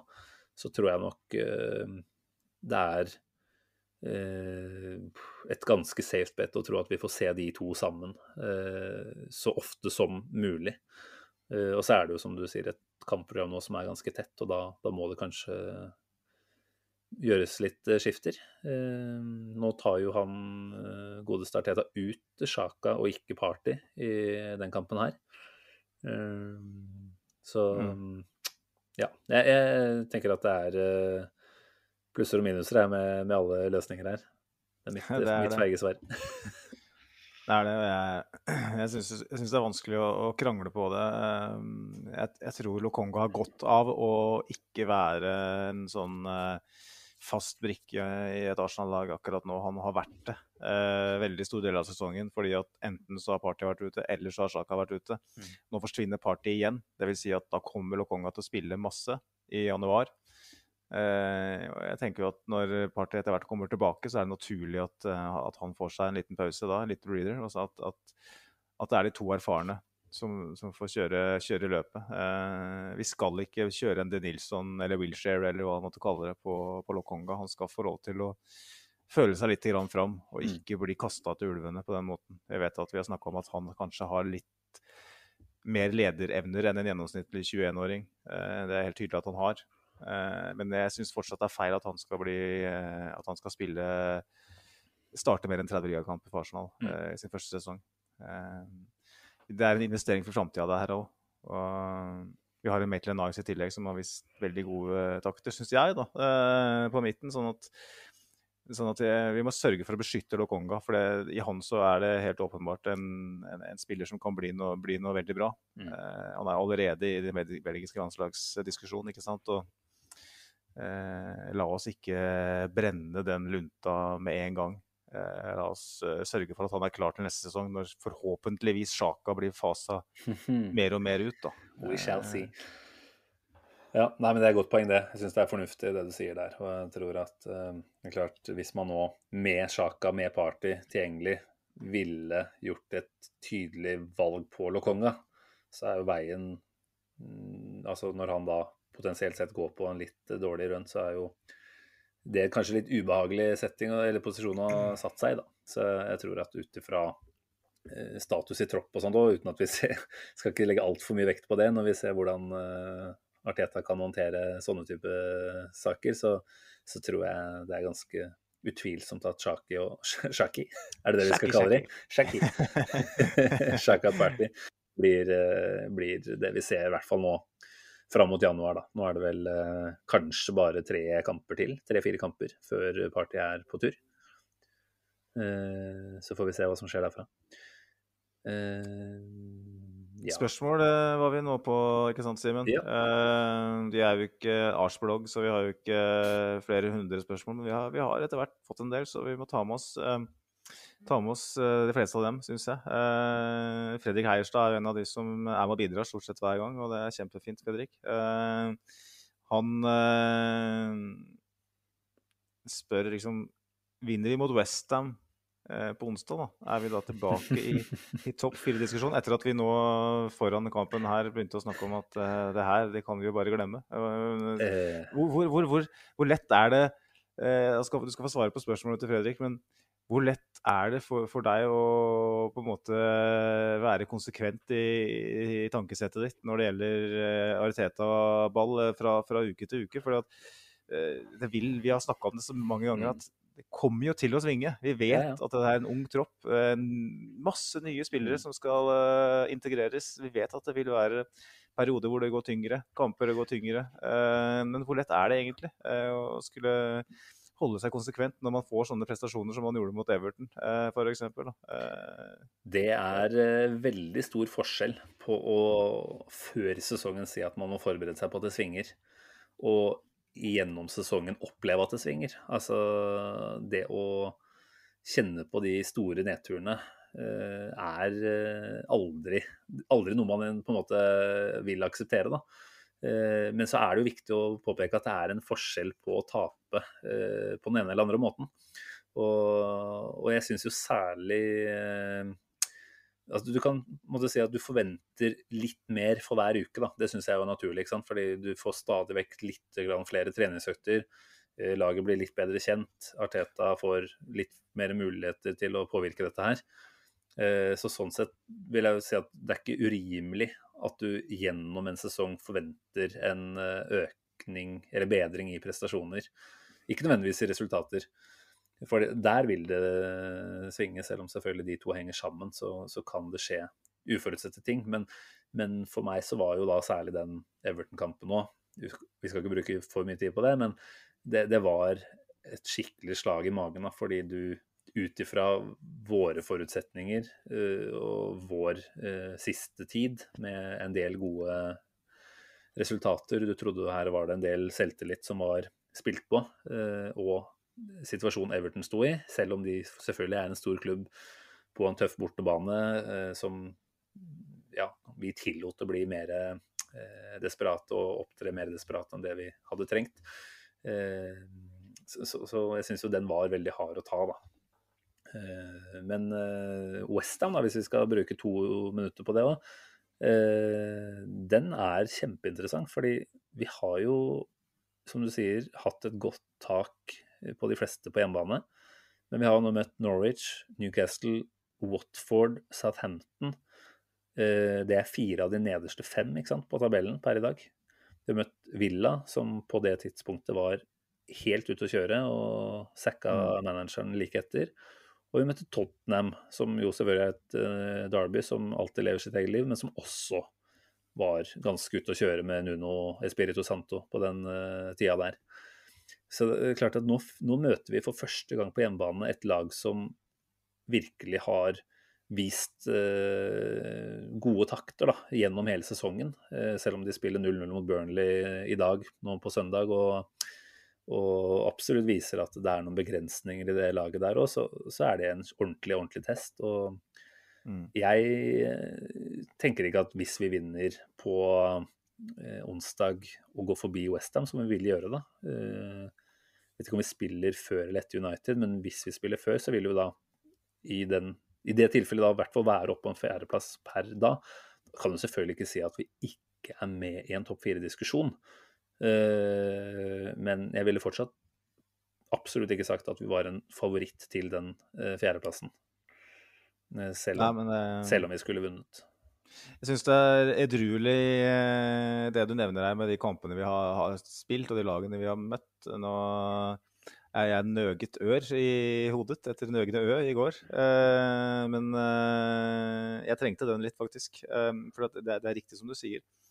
Og for meg så, så har det hele tida handla om én ting, og det er de fire lagene som foran sesongen var favoritter. Hvis alle de innfrir, så kan vi glemme topp fire. Tre av de lagene ser ut til å innfri. Eh, det tror jeg vi kan si. Eh, Chelsea, mm. City, Liverpool kan vi glemme. Det er ikke sjans. Eh, det må, det, må, det må, skje noe helt ekstraordinært hvis noen av dem skal kollapse. til, kollapse ille nok. Manchester United får dem ut potensialet i den spillertroppen sin, så kan vi jo glemme det. De er rett og slett for sterke for at vi skal være med. men hvis de ikke gjør det, hvis de fortsetter og så Nå vant de jo mot Norwich i går, for, for all del. Vant mot Palace, slo oss. Men de har jo ikke overbevist.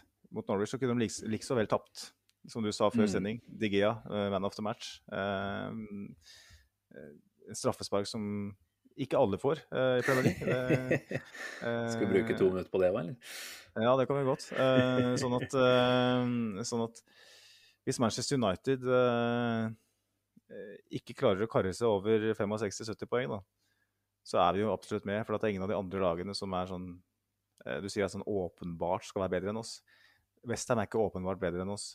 Tottenham er ikke åpenbart bedre enn oss. Leicester er, faktisk bare fire poeng bak nå. Vi har nesten avskrevet dem, de er bare fire poeng bak oss. Eh, men de er heller ikke åpenbart bedre enn oss. Sånn at eh, i den grad United fortsetter å, rulle, å tulle litt, eh, så, så, er det en sjanse der. Men jeg tror ikke vi skal sitte og tenke at topp fire er veldig realistisk. Jeg tror ikke vi skal gjøre oss den bjørnetjenesten. Men jeg håper at fall, det, blir, at det blir spennende, at vi er med. Det er det viktigste, egentlig. At vi mm. liksom viser at, at vi er i stand til å, å, å, plukke nok poeng til å havne i topp fire i en gjennomsnittssesong. Da. Eh, jeg håper at gjennomsnitts, en gjennomsnittssesong fortsatt er eh, rundt 70. At vi ikke plutselig er fire lag som driver og plukker 75-80, for da, da er du ferdig. Mm. ikke sant? Med mindre du, er, du har en helt ekstrem sesong. Vi har vunnet ligaen med 79 poeng selv eh, i 98. Det er vel veldig lenge siden, men eh, sånn, sånn som nivået er i toppen, så er vi avhengig av at en av de store eh, maktfaktorene til enhver tid ikke leverer. Og, Mm. Ja, eh, vi får bare håpe at Ragnhild eh, ikke helt klarer å få, få dreisen på det. Håpe at eh, Tottenham ikke får spilt noen flere kamper heller pga. smitte i troppen. Mm. Nei da, vi, vi får håpe at de kommer i gang igjen. Det er vel eh, en liten side note, det, men det er vel sånn at man må begynne å bli litt grann skeptisk til eh, hvordan det drar seg til med smitte i Premier League inn mot jul her nå. Så um, får håpe og krysse fingra for at de er så villige til å bo i bobler som mulig, sånn at det blir Premier League. Det er tross alt det viktigste. Eh, Men ja, eh, det blir veldig interessant å se hvordan det går eh, mot Westham nå. Jeg tenker Vi skal ikke si at det er en kamp igjen som på en måte betyr det ene eller det andre, og at det ikke er potensielt noe midt imellom. Men, men det er på en måte nok en ny test da, for, for Arteta her. Så hvis han kommer godt ut av den, noe jeg absolutt har eh, tro på at vi kan klare, da, da skal man jo tillate seg å i hvert fall om ikke drømme, så i hvert fall ha troa på at dette kan bli en eh, ålreit posisjon til slutt. Jeg har jo sagt til deg at jeg, jeg skal ikke se noe særlig på den tabellen før, før etter nyttår. Så får vi se hvordan det ligger an da. Ja, altså, altså Når vi kommer dit, så har vi spilt ganske mange flere kamper. Eh, Etter nyttår det er vel bare fem kamper til. Ja, men det er fem kamper. Det, Det, det er med tanke på de kampene vi har òg. Eh, det er kamper vi bør vinne, de fleste av dem, sånn på, på papiret. Sånn at eh, hvis man på en måte virkelig eh, tryner her, så, så er jo det en rekke som Mm. altså, og, og tilsvarende hvis vi går på en lang rekke med seire. Så, så det er en ganske definerende rekke med, med, med, med kamper. Det er et Afrikamesterskap som kommer nå, ikke sant? Mm. Og hvor vi mister eh, ja, Det er vel egentlig bare par-tre vi mister, for de andre er vel ikke på banen, føler jeg. Men uh, uansett, vi mister jo noen alternativer i troppen. Uh, så, og det kommer et tøft program. Vi har City borte, vi har Tottenham borte uh, i januar. Så det er Bare kjapt på stående fot. Jeg orker ikke at vi bruker for mye tid på sånn hvor mange poeng ditt og datt, men vi fikk spørsmål fra Tor Arne Vasåsen på Facebook. Han, han sier da at det er fire kamper igjen i år, ikke fem, som jeg sa. Westham, Leeds, Norwich, Wolves. Hvor mange poeng står vi igjen med på nyttårsaften? Eh, bare gi meg et kjapt tall. Orker ikke for mye prat rundt det. Det er da hjemme mot Westham, borte mot Leeds, borte mot Norwich, hjemme mot Wolves. Jeg tror hun uttaler etternavnet Vassåsen, bare for å sa det. Å ja, det del um, Det kan godt hende Tor Arne svarer på sjøl etter hvert. Jeg så bare én S der, så da valgte jeg å gå for Vasåsen. Men Det eh, bor det blir bare Vass. Vas. eh, Det blir bare Vas, og det er redd han tenkte òg, når det ble Vas, Vassåsen. Sorry. Men, det kan. Men Svar la oss ikke vase oss bort her. Uh, Westham hjemme eh... Du skulle bare komme med et kjapt eh, totalsum, du. du Nei, men jeg må, jo, jeg må jo få lov til å bare si Westham hjemme, poeng. Leeds hjemme, Greit, bortepoeng. greit, greit. Jeg kan ikke gi et svar uten å resonnere. Derfor er podden blir så jævlig lang hver gang. Um, Westham hjemme, ett poeng. Leeds borte, tre poeng. Eh, Norwich borte, tre poeng. Wolves hjemme, tre poeng. Oh. Oi, nå er jeg optimist. OK, ti poeng der, da. Jeg Ja. eh, Oi, da blir jeg faktisk pessimistisk av oss, da. Uh, Westham 3, Leeds 1, Norwich 3, Wolves 1. Se her, ja. Får vi se. Spennende skal det bli. Uh, men greit, da har vi gjort oss unna med det også. Eh, andre spørsmål? Vi har vel kanskje ikke det. Må jo bare si at eh, vi setter veldig pris på alle som kommer med innspill.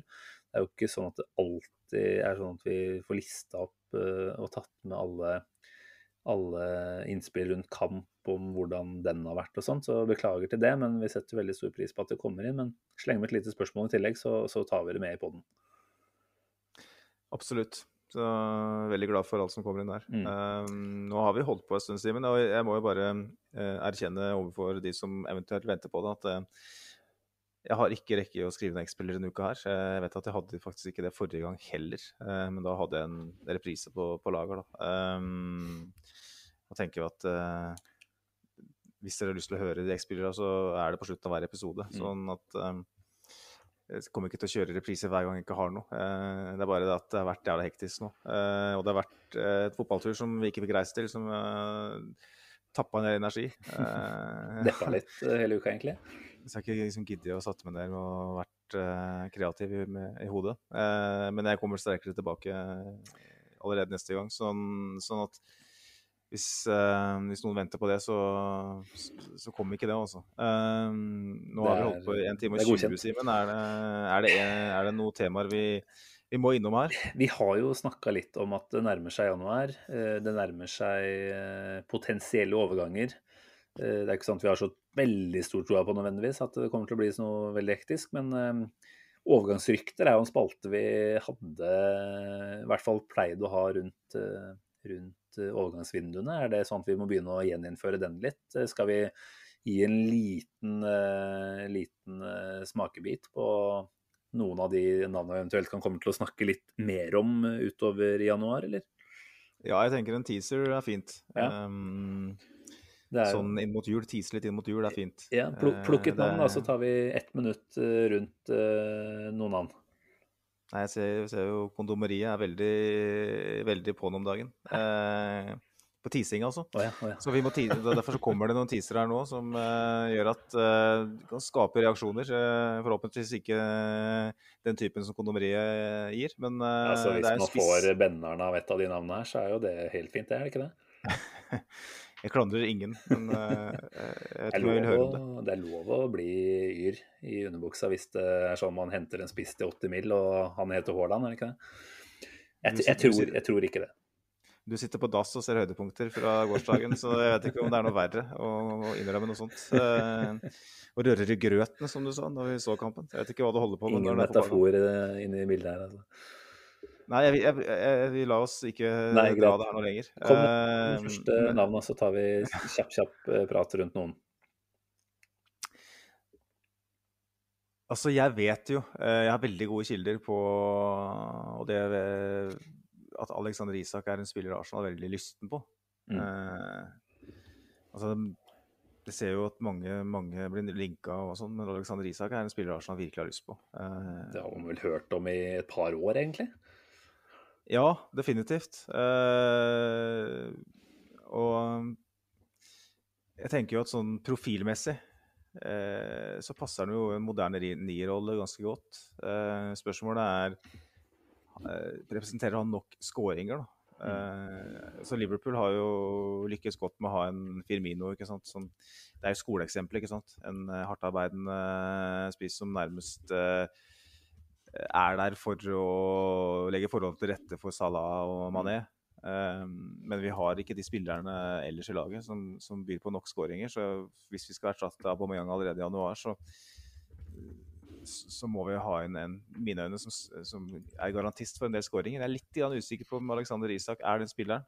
Uh, jeg tror han har veldig mye på ellers. Uh, hva tenker du? Tror at du kan ha rett i det. Jeg vet ikke akkurat hva han har som uh, output fra, for uh, Sociedad, jeg. Eh, Snakk litt, så skal jeg ta og sjekke det. ja, det første som slår meg, er at han er mer en uh, Lacassette-type enn en poacher i boksen. En som sannsynligvis vil bidra veldig bra i link-up-spillet, og sånn sett kanskje da gi mer muligheter for eh, noen av de andre rundt. Da. Eh, han har jo spilt med Ødegaard i, i Real Sociedad en sesong. En, en halv sesong ble det vel kanskje bare. Eh, Nei, det ble en hel sesong, men mye skader andre halvdel for Ødegaard. Så de, de kjenner hverandre sånn sett derfra. Lite pluss, kanskje. Har lang kontrakt. Det har vært snakka om at han vil koste et eller annet sted mellom 50 til 80 millioner pund, kanskje. Uh, for den prisen der så bør man jo få noe man er ganske sikker på. Uh, og der er jeg litt enig med deg. Jeg tror ikke man er trygg nok da, på at han er uh, en som ville dunka inn nok mål i Premier League. Eh, han er jo høy, men allikevel så føler jeg at han kanskje er lite grann det det, det, er kanskje et uh, dårlig shout å si at han er litt lite fysisk. Eh, han er litt, sånn, litt hengslete, men det betyr jo ikke at han ikke er fysisk. Det er, sånn, hvis vi har noen som følger veldig på, med på La Liga her, så ville de sikkert arrestert meg veldig her nå. Eh, så det det er kanskje ikke det safeste bettet. Eh, jeg vet ikke om du har funnet ut av målskårerraten hans? jeg. Den er ikke noe å hoppe i tak over. Eh, han har tre skåringer på 14 kamper denne sesongen her. Ja, denne, ja. Det var vel særlig fjorårssesongen han var veldig god, var det ikke det? Det har 9 på 37. OK.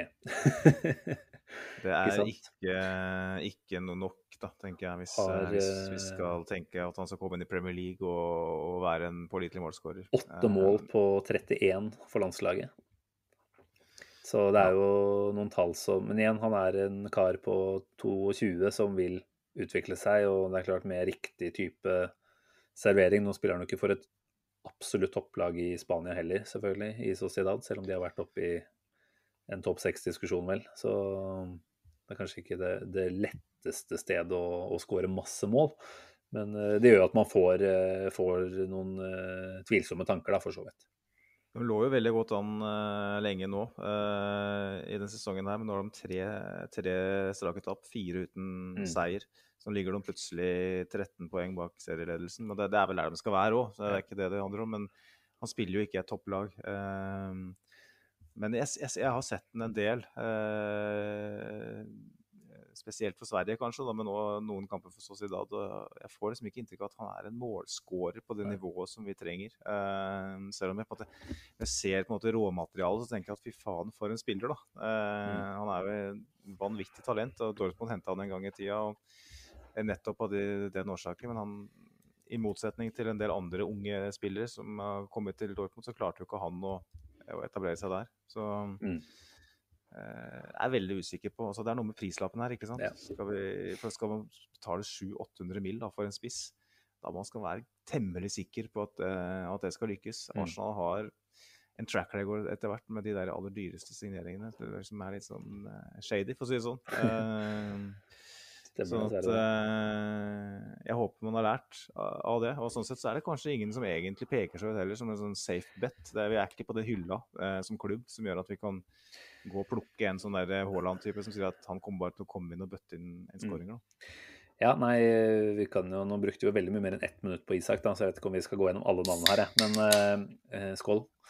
Eh, det er jo to Everton-karer som har vært nevnt. Eh, Dominic Calvert-Lewin er vel den som har vært nevnt lengst. Og så har vel Richarlison eh, dukka opp kanskje mer etter at han nå skårte mot oss for noen dager tilbake. Så av de to så er det jo Calvert-Lewin jeg har mest troa på. Han har vært skada lenge nå. Spilte vel bare de første tre kampene, og så har han vært skada siden. Nærmer Mm. seg vel et comeback. Lang kontrakt igjen. Engelskmann fra en klubb som sannsynligvis ikke må selge. Eh, det høres også veldig veldig dyrt ut. Eh, jeg vet ikke om du har mulighet til å finne tallet hans òg, men eh, han, han har jo selvfølgelig scora en del. Og vil jo være kanskje mer et focal point enn en sånn Altså jeg ser på meg at han er ålreit i link-up-spill, men mer enn sånn klassisk uh, nier, da, som uh, også ligger og lurer i boks, og som er et oppspillspunkt og, eh, og en eh, avslutter i boksen. Eh, Ja. Men nei, som du sier, det er jo ingen som er safe bets av de vi er, eller kan håpe på å hente, da. Nei, Cavert Lewin han skåra 16 på 33 i fjor. da. Det er jo et mål i annenhver match ca. Eh, for et lag som ikke hadde noen optimal sesong. Eh, og han skåra vel de tre første kampene i året før han ble skada. Eh, en spiller som hadde et gjennombrudd i fjor, som virka å fortsette den gode trenden i år. Eh, som har råmateriale. Han kjenner ligaen. Mm. Jeg syns han frister ganske mye mer enn uh, Alexander Isak. Eh, han kjenner sikkert flere av de unge britiske spillerne våre fra aldersbestemt eh, landslag. eh, Absolutt. Kanskje til og med Og landslaget. landslaget har han vel også fått en del kamper på. Elleve kamper der. Mm. Mm. Så, og, så så, mye jeg innlegg som vi slår. Eh, og han er jævla god på huet. Ja. Eh, hvis vi skal spille på den måten her. Jeg håper jo på en måte ikke det. Men hvis vi fortsetter å svinge inn innlegg eh, Hvis Kieran Tierney skal drive og slikke kritt og banke inn med venstreslegga, så da mener jeg at Calvert Loon er Spørsmålet er den skadesituasjonen, er det noe som eh, er altså jeg, jeg kan ikke det godt nok. Er det noe, vet du det? Er det noe som er et problem for han, eller er det tilfeldig at han er ute nå? Jeg, jeg vet ikke. Uh, Physioroom er vel siden å gå inn på å sjekke det. Jeg kan jo gjøre det kjapt her. Uh, men uh, hvis du gir meg 2-6, kan jeg ta en titt. Vet ikke hvordan historikken hans har vært gjennom Men det er klart hvis du ser han spilte 33 kamper i fjor, da har han jo åpenbart vært tilgjengelig mesteparten. Ja, det har han. Så men om det er noe hamstring eller noe sånt denne gangen, det, det er godt mulig. Jeg, jeg veit ikke. Uh, vi kan ja. uh, finne ut mer av det. Vi har fortsatt litt tid til januar. Det er vel ikke sånn at uh, signeringene kommer til å være i boks før vi går inn i det nye året. Det hadde vært nydelig, det. Men uh, mens du gjør det, så kan vi kanskje nevne han godeste Vlaovic. da. Ja. Jeg mistenker jo at det er de samme folka som holdt på med Å, herregud, nå er det jerneteppe på gang her nå. Nå er det Nøgne Ø som virker, altså. Hva faen er det for noe? Men han eh, midtbanespilleren, eh, italienske midtbanespilleren som ble linka så heftig, som var så god igjen. Ja, eh, ikke sant. Hvor, hvor, ja. Luca, han Locatelli. Locatelli. eh, det var jo helt tydelig at, eh, at agent og, og, representanter brukte pressen for å få Juventus til å reagere. Med at Arsenal liksom skulle være så jævla interessert. Det måtte hende at det var en interesse der, men at Arsenal eh, liksom skulle vært i førersetet som det var på den tida, det, det nekter jeg å tro. Eh, samme med, med Vlavic, hvor eh, Di Marcio, som er samme journalisten nå, eh, som mm. har holdt på med det Locatelli-ryktene eh, Jeg syns jo Di Marcio har tapt seg litt siste året. Eh, fra å være en som treffer på nesten alt, til å være en som treffer kanskje en tredjedel av gangen. så det nevnes jo at Lavic, at Arsenal har uh, villig til å betale 80 millioner euro for Dusan Lavic fra Tina, som bøtter inn mål i Serie A. Jeg tror ikke helt på det. Eh, at Arsenal er interessert i en sånn spiller som altså, Som bøtter i mål? Sett, bøtter i mål og har den fysiske profilen. Eh, tviler ikke på det, men at vi står klar med 80 millioner euro i januar eh, jeg, jeg kaller meg en tviler, men jeg tror ikke det. Nei, jeg også har dessverre ikke tro på det. Jeg tror rett og slett at han er på en hylle over det vi kan plukke fra i det øyeblikket her. Dessverre. Det er jo vondt å si det. Men, eh, men eh, nå vet jeg ikke helt hvordan eh, status er for andre europeiske toppklubber. Men hvis det er sånn at altså Haaland er jo et åpenbart navn til sommeren, om han går til City eller Real Madrid, da den av de klubbene som ikke henter Haaland, kan kanskje vurdere en Vlavic. Jeg tipper at han vurderes av mange å være på ja, opp mot det nivået der nå, da. Eh, snakkes i hvert fall eh, veldig varmt om han. Jeg, har ikke, jeg skal bare være helt ærlig på det. Jeg har ikke noen stor eh, peiling på, på, hva som er statusen hans ute i Europa. Men med det snittet han har nå over en periode, så mistenker jeg at det er noe som setter pundtellerne i sving hos de fleste. Og da, da, tror jeg ikke Arsenal er høyt nok opp i status per i dag, altså. Så jeg tror det er det De Marcio hevder òg, at, at, Arsenal er veldig keen, men at han selv som spiller også, han, han, han, har vel bare halvannet år igjen av kontrakten, er det ikke da? Eller er det bare tall? Jo, Nei, stemmer. Det er halvannet. halvannet år, ja. Stemmer. Og Arsenal skal være uh, Arsenal keen, men at spilleren sjøl eh, helst vil vente mm. på større tilbud. Det høres jo enkelt ut, men det er enkelt å fabrikkere noe sånt òg. Mm.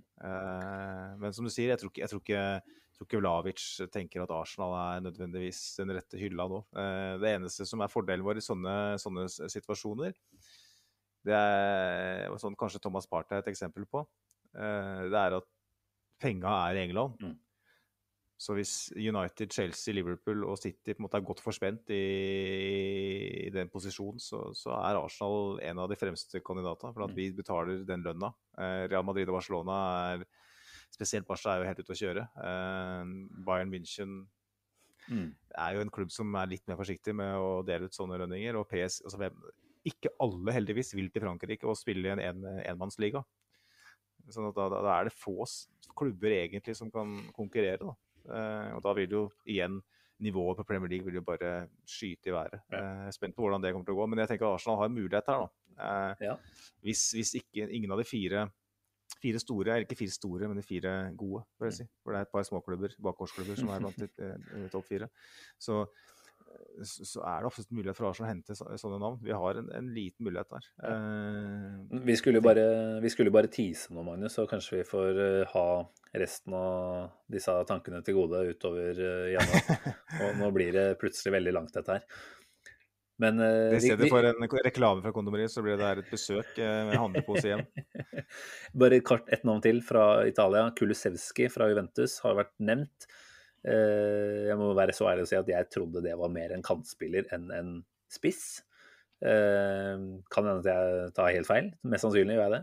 Følger jo ikke tett nok med på serien, men eh, umiddelbart så tenker jeg at det ikke er en spiller jeg har lyst på. Ikke i hvert fall en som skal komme inn og være den som garanterer for mål, da. Det, det, jeg tror han av de vi har snakka om nå, er den som er klart lengst unna å være en målgarantist i Premier League for Arsenal. Så Ja. Det er, og han, er jo rykta til Tottenham, og det sier jo litt om kvaliteten på ham, gjør det ikke det? ja, vi liker jo å tenke det. Uh, Nei, vi, vi, Kulusevski, han har jo skåra Hvor mye er det den sesongen her, da? skal du si at han har skåret mer enn Alexander Isak nå, bare for å drite meg ut? Ja, det kan du godt si. Uh, Jeg tror han har skåra færre. Uh, skal vi se. Syns det er vanskelig, men det ser ut som i løpet av det siste, siste året da, så har han eh, i alle turneringer, inkludert eh, svenske landslaget, så har han 42 kamper og tre skåringer. OK. No thanks. Så uh, on to the next one, tenker jeg. Ja. Next one på min eh, lille liste oppi huet, det er eh, ikke en spiss, men en eh, midtbanespiller. Dani Ceballos, så jeg var ute og kommenterte på en eller annen post her nå etter kampen mot Southampton. Eh, Det var vel etter eh, at de la ut eh, klippet av første goalen, hvor Ceballos da skriver 'Made in Arteta'. Og, og flammer og hele pakka. Kjenner jo selvfølgelig klubben og Arteta. Har vel vært skada egentlig hele sesongen, men har jo en altfor lang vei inn på det Real Madrid-laget. Mm. Er det en mann som kunne kommet inn i hvert fall vært en, eh, en backup i troppen? Det er vel ikke urimelig å mistenke det. Hvis vi skal uh, klare oss uten Thomas Partey i januar, uh, og kanskje lenger, hvem vet? Kanskje han kommer tilbake med, med litt ut av rytme, litt uh, småskade, hvem vet? Det skjer ofte det, vi har sett det før. Så trenger vi jo noen som kan komme inn bare i noen måneder, da. Mm. Og da tenker jeg at Dani Ceballos er uh, han, han kjenner klubben, kjenner manageren. Uh, altså som en backup, helt klart et greit alternativ. å ha. Han får ikke spille i Real Madrid uansett, som du Mm. sier. Så det er vinn-vinn for, for, for alle parter. Eh, men det er en annen, en annen fyr som er linka. Hvis vi skal avslutte denne poden her med et lite håp. Ok. Det er jo flere medier som melder at eh, Dessverre ikke de aller mest pålitelige, men uh, at Arsenal uh, vurderer å kontakte PSG for å gi Ja. Vainaldum litt grann spilletid. Da kjenner jo jeg at jeg kanskje må innom kondomeriet. Ja, du trenger hjelp da, altså? Eller for å rydde opp i Nei, OK. Jeg, vet, jeg, jeg tenkte ikke helt over den Jeg tenkte ikke så godt over den. Jeg skjønte hvor du ville. Jeg skal ikke være vanskelig. Sorry. Wijnaldum eh, ja, spiller litt, men ikke veldig mye, vel, i PSG. Eh, jeg vet ikke akkurat hva han har gjort i dag. De har jo spilt mot Monaco. Har han vært på banen der? Skal vi ta en kjapp titt og se? Vi, vi, vi, sånn La oss, la oss komme Jo, han starta og spilte hele kampen i dag mot uh, Monaco. Jeg tenker jo at uh, Det var nytt. det har vært en innkjøringsfase for han. Eh, Det er vel også sånn at de har relativt god dekning sentralt på midten der. Så um, hvis han nå noen uker før nyttår spiller en del i PSG, ikke faen at han kommer til Arsenal. Nei, nei, nei. Og jeg tenker jo at eh, det sitter nok langt inne for den spilleren nå. Han, han ville jo ikke fortsette i Liverpool pga. Uh, et lønnstilbud som ikke var tilfredsstillende. Så Hvis Arsenal liksom skal kunne bare gå og plukke en spiller fra PSG som ville fått en del spilletid uansett, eh, så vil jo, vil jo dem sikkert kreve at- vi Mm. dekker lønna hans. Eh, noe jeg tror Arsenal kanskje ikke er villig til. Eh, men hvis man skal se, se på ferdighetsmessig hva Arsenal denne midtbanen her trenger, Mm. og mangler, så er jo Wijnaldum nesten som eh, hånd i hanske. Han Fy faen, for en spiller han hadde vært Ja, i ja, ja. laget her. Det er litt sånn som Bernardo Silva i, i sommer, når, han, når det var litt spekulasjon om Mm. at han skulle bort fra Det var ikke bare spekulasjoner. Han, altså Guardiola sa jo at, eh, at han ønska seg bort. Eh, og Bernardo Silva har jo på alle vis eh, klart å demonstrere hvorfor eh, noen eh, satt med halvkram eh, både her og der.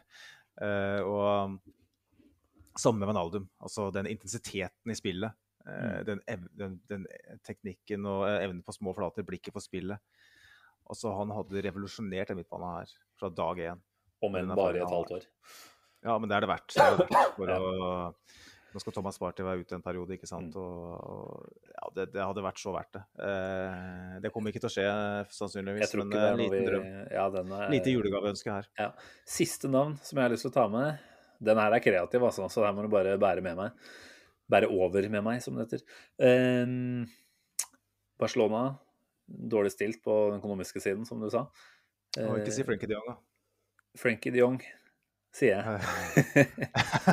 og så, hvis du legger sammen to pluss to og får sju eller noe sånt, og tenker at Aubameyang og Arteta ikke blir perlevenner, eh, lukter en liten swap-deal med noe penger imellom her, eller? Eh, Dette er daily- Hvis Hvis to pluss to blir eh, 58, så kanskje. Eh, jeg, jeg- ser ikke for meg det, men det er klart at eh, Luke de Jong starter for Barcelona, så, så jeg. eh, I dag var Ja, ikke sant? Aguero som er ute med Han er vel kanskje ikke på vei tilbake heller. Jeg vet ikke, Har de landa noe fasit der, eller at han faktisk ikke er med resten av sesongen? Eller i verste fall må legge opp? eh, det var vel en del uh, kilder som, som hevda at han faktisk må legge opp, men Mm. eh, det skal vi ikke påstå. Uh, men at, det er veldig alvorlig, i hvert fall, og Mm. vi får håpe at, at han kommer tilbake. Men at de trenger en spiss, det er heva under enhver tvil. og uh, hvis, altså Abba har vært linka dit før. Mm. Eh, men at, at Frenkie de Jong skal være villig til å gå til Arsenal, det har jeg lite tro på. Altså. Eh, det, Det er, jo- det, er, det er Rolls-Royce. Det er jo blitt er eh, en famøs linje der, hvor han tidligere har sagt at han så for seg karriereveien sin som Ajax, Arsenal, Barcelona. Altså det er en sånn typisk karrierevei. Og det kan man jo kanskje også forstå, hvis han bare setter den opp ned. Og Barcelona som er Ja, det er en gigaklubb, men de er eh, Nå er de i Europaligaen, de også. Eh, på en syvende-åttendeplass kanskje i La Liga. Trenger penger, vil absolutt, eh, har man inntrykk av altså Det er jo kanskje den beste midtbanespilleren de har. Så at de vil få han ut på død og liv, det kan jeg ikke se på meg. Men det er klart, får de nok penger inn der, og i, kanskje til og med da, en Aubameyang, selv om jeg ser at den her er langt ut på landet, sannsynligvis, så, så klarer jeg ikke helt å ikke Altså, jeg vil si at det er større sjanse for det enn Wijnaldum. det kan du ikke mene. Uh, OK, men det er greit. Du får lov til å mene det, Simen. Uh, Spennende, det er klart, Det- Hvis Frenkie de Jong blir tilgjengelig Nå kommer Pep Guardiola til å eh, få Ja, vi snakka om uh, fysiske reaksjoner. Uh, Mye den erotiske podcasten. referanser i dag, altså.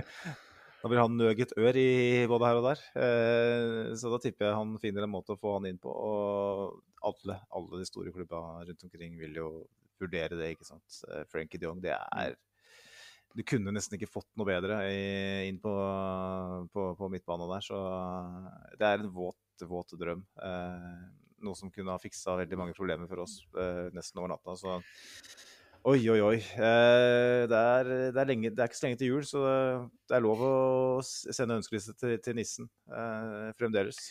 Jeg vet hva som står på min. Noe fra kondomeriet? Ja eh, Det kan godt hende, men uh, nå tenker jeg fotballspillere. Jeg skal ikke, jeg skal ikke avsløre noe mer enn det. Okay. Jeg husker jeg fikk, jeg fikk eh, på en periode da jeg var, var yngre, så hvor vi på en måte ikke hadde damer og sånt, og så, så drev vi og ga julegaver til hverandre, vi i kompisgjengen. Eh, og da hadde vi en avtale på at vi, vi handler ikke på kondomeri, kondomeriet. Eh, det er viktig. Eh, for at de gavene her skal åpnes foran familien.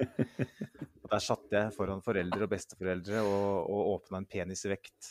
Sånn der som man eh, skal liksom pumpe, pumpe jern med. ikke sant? Sånn, som du, har- du har jo på en måte vekter på siden, og så har du en sånn avrunda form midt på som du kan feste på. da. Uh, jeg, jeg, jeg klarte å forklare det bort med uh, Jeg husker ikke helt hvordan, men uh, jeg husker at bestemora mi kjøpte det, heldigvis. Så jeg, Å ja, akkurat, ja. Jeg skjønner. Det er nyttig å ha. Ja, denne, denne trengte jeg.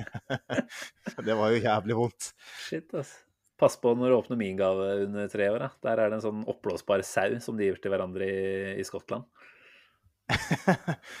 ok, ja, men det er greit å vite det, da. Ja, så Eh, åpne skjul. Nei, vi, vi får holde oss unna mer sånne, sånn tullprat som det er nå, Magnus. Nå har vi selv uten X-spiller klart å holde det gående altfor lenge. Nå tror jeg vi skal runde av, rett og slett. Dette her var hyggelig, men eh, nå holder det. Nå holder det. Nå holder det. Nå er det tre dager til kamp, bare. Eller når vi pubber den her, så er det vel bare to. Så la oss krysse fingra for at Arsenal Westham blir en eh, hyggelig opplevelse også. Og så er ikke vi tilbake med noe pod etter den kampen, men uh, rader vel opp med en ny en eh, etter Leeds på et eller annet tidspunkt. Vi får se når det blir. Sånn at det ikke blir en lidelse, uh, den poden. Så Det blir vi ofte uansett, gjør det ikke det? Det er jo noe drit, dette her.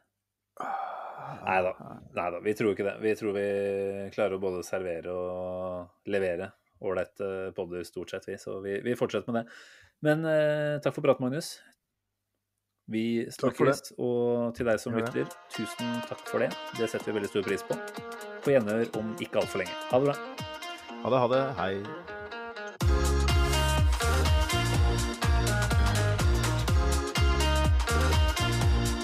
This train terminates here.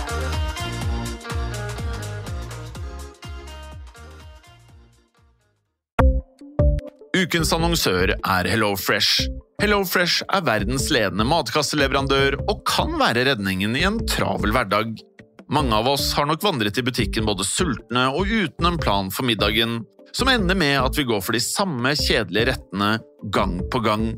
Middag burde være dagens høydepunkt. Som HelloFresh kan du nå velge mellom 25 ulike retter hver eneste uke, eller få HelloFresh til å sette sammen menyen for deg. Dette gir deg muligheten til å prøve nye og spennende retter alene eller sammen med familien. Du velger antall porsjoner og får alt levert på døren på et tidspunkt som passer for deg. Oppskriftene er enkle, og maten er lett å lage både for store og for små. Ved å få alt levert hjem får du også mer tid til å dele matgleden med familie og venner.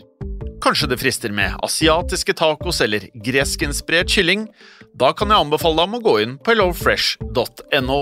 Her kan du bruke koden FOTBALL og få opptil 1779 kroner i rabatt på de første fem matkastene hvis du ikke har prøvd HelloFresh tidligere. Du kan også bruke rabatten hvis du har vært kunde og stoppet abonnementet ditt for tolv måneder siden eller lengre. Gå inn på hellofresh.no og bruk koden FOTBALL. Har du et enkeltpersonforetak eller en liten bedrift? Da er du sikkert lei av å høre meg snakke om hvor enkelt det er med kvitteringer og bilag i fiken, så vi eh, gir oss her, vi. Fordi vi liker enkelt. Fiken superenkelt regnskap.